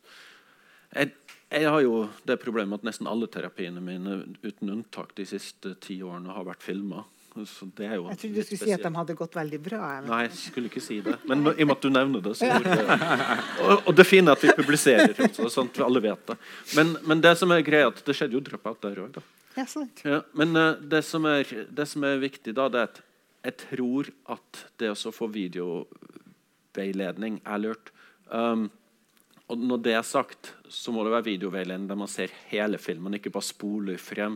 En, en en god gammel kollega fra studentdagene kom hit i dag. Eh, og det minnet meg på hvordan vi kunne velge ut akkurat hva vi hadde lyst til å vise veileder. Sånn at eh, det, det, er ikke, det, er ikke, løst bare at det er video. Du må se hele. Eh, og jeg synes at veiledninga sånn som vi har på studiet oppe hos oss, eh, med eh, enveisspeilet, som ofte omtales som toveisspeil, men det er det jo selvfølgelig ikke eh, det, det syns jeg er en veldig god modell, der man virkelig får hands on der og da uh, feedback på hvordan man uh, håndterer det. Det skulle det vært mer av. Ja, det, det, nivået av veiledning og det nivået av å kikke, det har jeg ikke opplevd etter studiedagene. Nei. Så det er en fin ting. Det er ikke alle forunt. Men selv da, selv om du sitter på Dragvoll og har enveisspeil og veiledning, så viser jo historien at man kan jo være på ville veier da òg. Ja. Så selv da kan du ikke stoppe opp og være tilfreds med det. Du må følge med hvordan det går med pasientene, og om de samla sett får et bedre liv. Det, det, er jo, det, det, er jo derfor vi driver med, med terapi. For at folk skal få det bedre. Ja, sant. Og Finn Skårderud skriver jo egentlig det er ganske ålreit, ganske enkelt i forordet. Han skriver eh, du kan gjøre en glimrende jobb Nå husker jeg ikke hva som er før eller etter lunsj, da. Men du kan gjøre en glimrende jobb før lunsj, og så kan du gjøre en ræva jobb etter lunsj. Mm. Så man må hele tiden være selvkritisk, være på i et usikkert felt hvor det fins få fasitsvar. Det er krevende. Mm. Veldig krevende. Mm. Jeg tror det er noen flere som uh, har lyst til å Problemet med sånn her uh, debatter som det her, det er jo at man mister litt sånn tråden, for vi endrer tema hele tida. Men eh, jeg har sjelden vært så glad for å se ei boklansering med det, med, med det her som tema. Jeg, har, eh, jeg er bare psykiatrisk sykepleier. Jeg jobber her i Trondheim eh, og syns at jeg på de ti-elleve årene jeg har jobba, har sett flere episoder der jeg tenker at dette er høyrelevant. Der veldig massiv del av eh, gulvpersonalet f.eks. har prøvd eh, å si ifra. Men fordi at dette ikke er et veldig åpent tema, og fordi at vi har et hierarki, så har vi blitt møtt med at dette er behandlingsansvarligs vurdering. Det syns jeg har vært et kjempeproblem. Eh, Trondheim er en liten by. Det er veldig vanskelig å skulle gi noen eksempler, men det har skjedd ting som har gått galt. Der jeg også har eh, sett at pga. at pasienten da selvfølgelig ikke var frisk da pasienten kom inn, heller ikke fikk noe tilbake for den skaden som var skjedd fordi pasienten var syk da den kom inn. Altså Dette føler jeg på en måte, Jeg fikk en litt sånn hardcore start på min karriere. Eh, og har vært en litt sånn her eh, ubearbeidet greie. Ikke at jeg trenger noe eh, debrief eller noe, apropos. Men, eh, men, jeg føler i hvert fall det. Dette er altfor lite prata om. Og tusen takk for at dette er laga ei bok om. Det er så på tide. Og offentlig helsevesen er ikke en garanti for at dette ikke skjer. Takk, det var hyggelig å høre. Det er litt derfor vi har skrevet.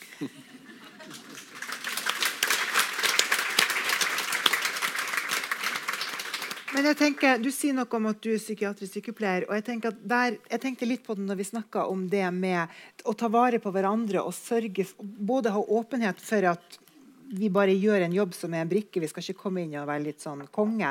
Og det å ta vare på å følge opp hverandre. Der har jo andre profesjoner, sånn som sykepleierne, en helt helt annen kultur som jeg tror vi psykiatere og psykologer kan eh, lære av.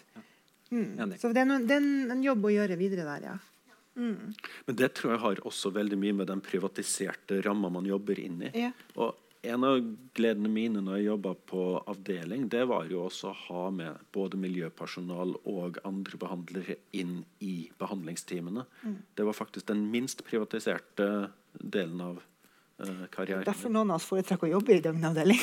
Ja, For altså, å ha det teamet ja, rundt oss hvor du hele tida får feedback og spiller på hverandre. Ja, ja Men, mm. men, men vi, vi, ønsker den én-til-én-relasjonen, uh, for det er veldig mye terapeutpersonligheten også. Mm. Altså, vi tenker at det er noe viktig når det skjer mellom oss. Mm. Uh, men jeg tror at det er også en veldig viktig um, luftventil uh, og, uh, og beskyttelsesfaktor for terapeut å jobbe mer involvert med andre behandlere. Jeg tror ikke det er noen av mine kolleger som ikke med jevne mellomrom etterlyser å, det er så gøy når vi kan være inne i hverandres mm. timer. Det er så gøy når vi kan diskutere og prøve å finne ut av ting sammen. Det er så fint når vi har team. Og så kommer det litt en sånn, sånn kjedelig finansieringsgreie. Men det lønner seg veldig lite. Sant? Det lønner seg ikke for helseforetakene å jobbe på den måten. Kompetansen, teamarbeidet, lønner seg ikke. Men i døgnavdeling og i, i, i mer sånne grupper så, så, får man det naturlig, og det skjønner jeg at folk liker.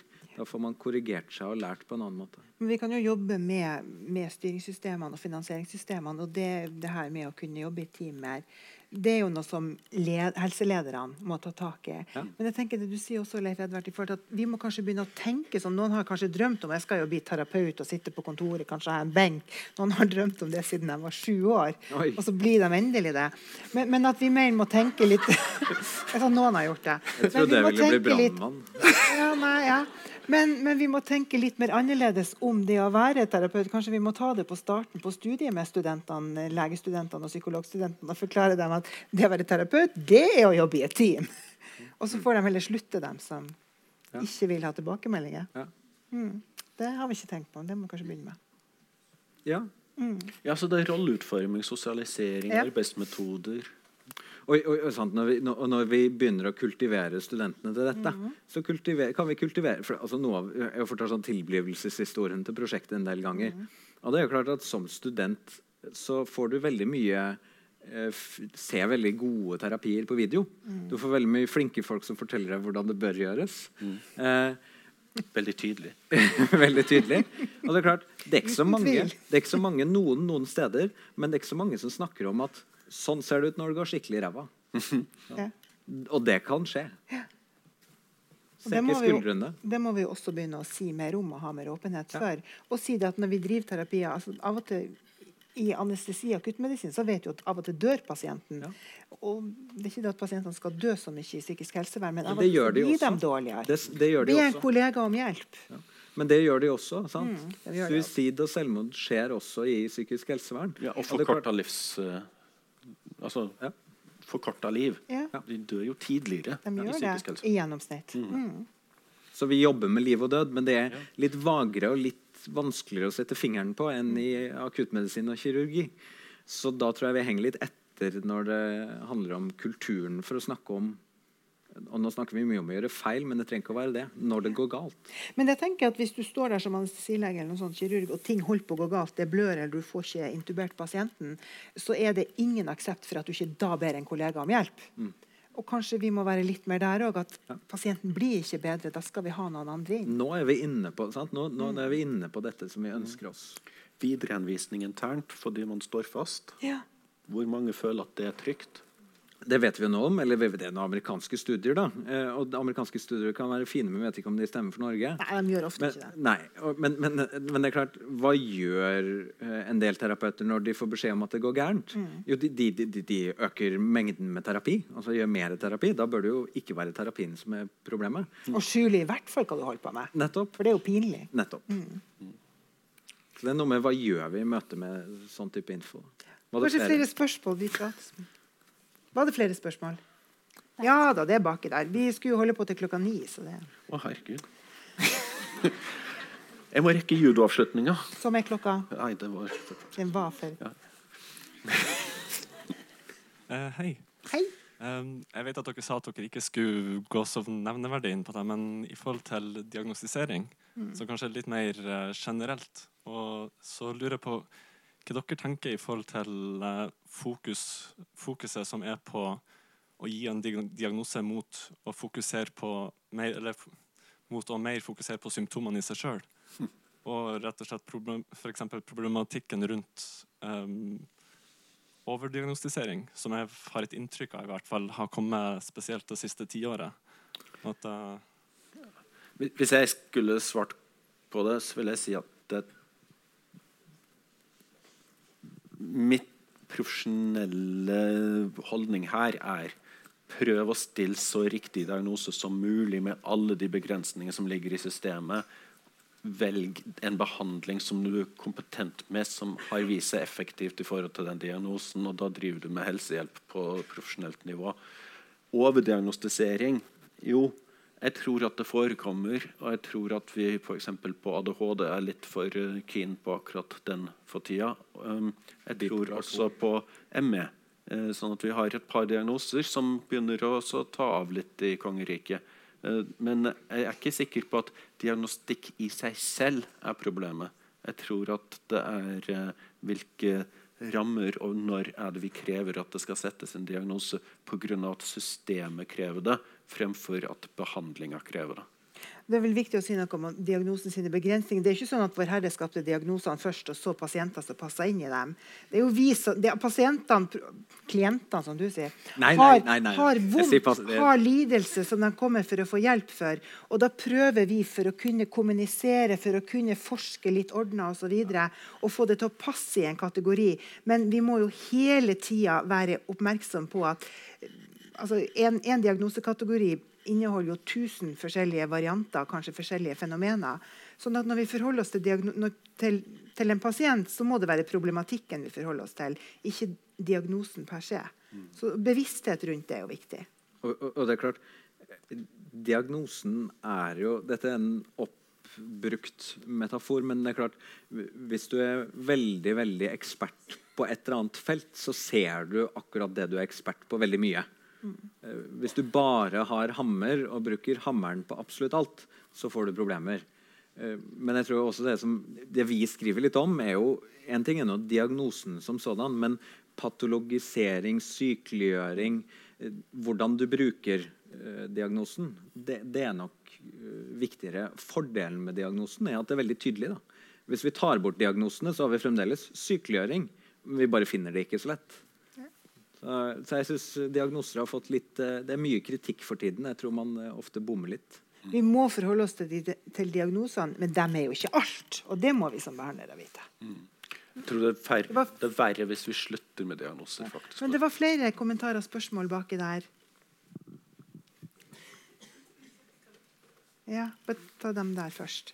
om vi ikke provoserte noen så langt, så tror jeg vi gjorde det nå. La oss høre. Hei. Eh, jeg lurer litt på Dere har snakket litt om det med avdekning av traumer. Men jeg tenker sånn, vet vi noe annet eller noe mer om hvilke pasientgrupper som blir dårligere av terapi? Eller hva det er som gjør at folk blir dårligere? Det er et veldig viktig spørsmål og veldig vanskelig å svare på. Eh, hvis du spør klinikerne, i hvert fall noen av de vi snakka med, så sier de jo de typisk alvorlige gruppene. Personlighetsforstyrrelser, rus, kanskje traumepasienter. Men det er jo litt sånn mer opplevelsen de har, og det er noen, noen, et knippe som har det. Altså, så var Leif inne på, Det fins en britisk svær undersøkelse som, som, som finner at etniske minoriteter Sosioøkonomisk eh, dårligere stilt. Eh, seksuelle minoriteter. Det, dette er grupper barn, for så vidt. Så vi kan, vi kan, si at de svakeste eller de mest sårbare ellers ser også ut til å ikke bare få mindre god terapi, men de får of, of, også kanskje mer dårlig terapi. Men det akkurat, dette spørsmålet burde vi nesten ikke svart på engang, for vi har så lite grunnlag, og det er så mye anekdoter. Dette burde vi visst mye mer om. Uh, men jeg tror at uh, jeg vet ikke om hva vi ville funnet. For jeg tror noen terapeuter og behandlingssteder er veldig veldig gode med de som kanskje i en allmennpoliklinikk eh, får dårlig behandling. Så jeg tror det, det er store variasjoner her. Så jeg tror ikke, jeg, jeg, Nå gjetter jeg bare. Da. Dere har jo mer forskningskompetanse ja. enn meg. Nei, altså, det er også, også litt uklart på hva du egentlig mente. For hvis du mente fins det spesifikke patogene prosesser i terapier, så er det jo mulig det, hvis noen terapier uh, altså, Det finnes jo forskning for på hvor mange overføringstolkninger skal man ha, skal man ha fokus på eller ikke på hjemmelekser osv. Dette varierer jo fra, fra, terapiform til terapiform også. Så det, det, er vanskelig å svare helt konkret på det spørsmålet uten å bli veldig, veldig eh, på detaljnivå. Det vi kan vel si at vi må ha fokus på det, at terapi er ikke bra. All terapi er ikke bra for alle. Og så får det komme mer forskning på. Eller i hvert fall noe samtale om hva gjør vi for å sikre de pasientene som opplever det, slik at de vet hvor de kan gå. Mm. Eh, at det finnes systemer som fanger opp prosjekter som reduserer uønsket dropout, eh, spesielt i systematisk form. Eh, og og, og, hvor kan vi faktisk eh, få støtte som enkeltterapeut når ting går galt? Det er, det er, også viktig. Hvor mm. kan vi gå ja. sjøl når når vi ser at mm. Og så er det jo litt sånn interessant da, Enn så lenge så, så er det jo, er jo, terapeuter som alle andre. At, at eh, Eller man hører på altså, man får pasienter som forteller at han forrige terapeuten var, der gikk det ikke så bra. sånn at Man hører sånne historier. Mm. Altså man har altså man ideer om hvilke andre terapeuter man ikke ville anbefalt folk å gå til. Og så er det mye vanskeligere å se på seg selv. Og det er helt menneskelig og helt naturlig. Eh, og ikke noe vi jeg tenker Vi skal ikke skamme oss over det. Nei, men Vi skal, vi skal være bevisste. vi skal prøve å justere på ja. det og være klar over det fordi vi er helsepersonell og er pliktige til det. Og det var poenget med boken. Det var poenget med boka, ja. ja. Så bra. Er det ett spørsmål til? Så tar vi det vi kan ta ett til etter dette, og så avslutter vi. Ja, jeg vet ikke om det er eh, berettiget, men altså, jeg sitter og, og, kjenner på dette med at, liksom, at, det ikke er nok eh, kapasitet til å behandle mennesker med alvorlige traumatiske og personlige forstyrrelser. Da. Fordi at liksom, I hvert fall så får du inntrykk av det uh, av pressen at ja, vedkommende har eh, gjort Eh, ny, et nytt overfall eller eh, tok livet av seg og, og, har vært under behandling, men ble utskrevet for tidlig. Mm. Slik at du hele tiden får det bastante inntrykket av at det er ikke nok eh, kompetanse til å ta seg av eh, de mest sårbare. Da. Sånn at eh, jeg kjenner på den problematikken hele tiden, men den har jo ikke hjemme i denne sammenhengen som dere har lagt opp til. Da. Men kanskje noen ord om det allikevel. Ja, det er jo litt som vi har nevnt rundt dette med underbehandling, at det er et uh, stort problem. Og så nevner du noe med innleggelser og sånn, og det er en nedbygging av uh, døgnplasser i Norge. Det er liksom en sånn fokus på lavterskel og sånt. Nå. Vi snakker litt om at det kan være risiko med lavterskel òg, vi. Mm. Men et, det er jo hoved, hovedproblemet i kongeriket som du sa, er jo underbehandling og for lite tilgang til psykoterapi. Men vi har vel mer tilgang enn de fleste andre plasser på planeten. Ja. Eh, og så tenker jeg at Det er ikke bare å gå veldig mange timer til en terapeut. Det er også noe med å effektivisere og gi effektiv, riktig behandling fort. Men var det én til, ett til innspill før vi sier Nei. Det var det ikke. Da tror jeg at jeg for min del i hvert fall skal si tusen takk for samtalen så langt. Så kan jeg hende vi skal snakkes mer.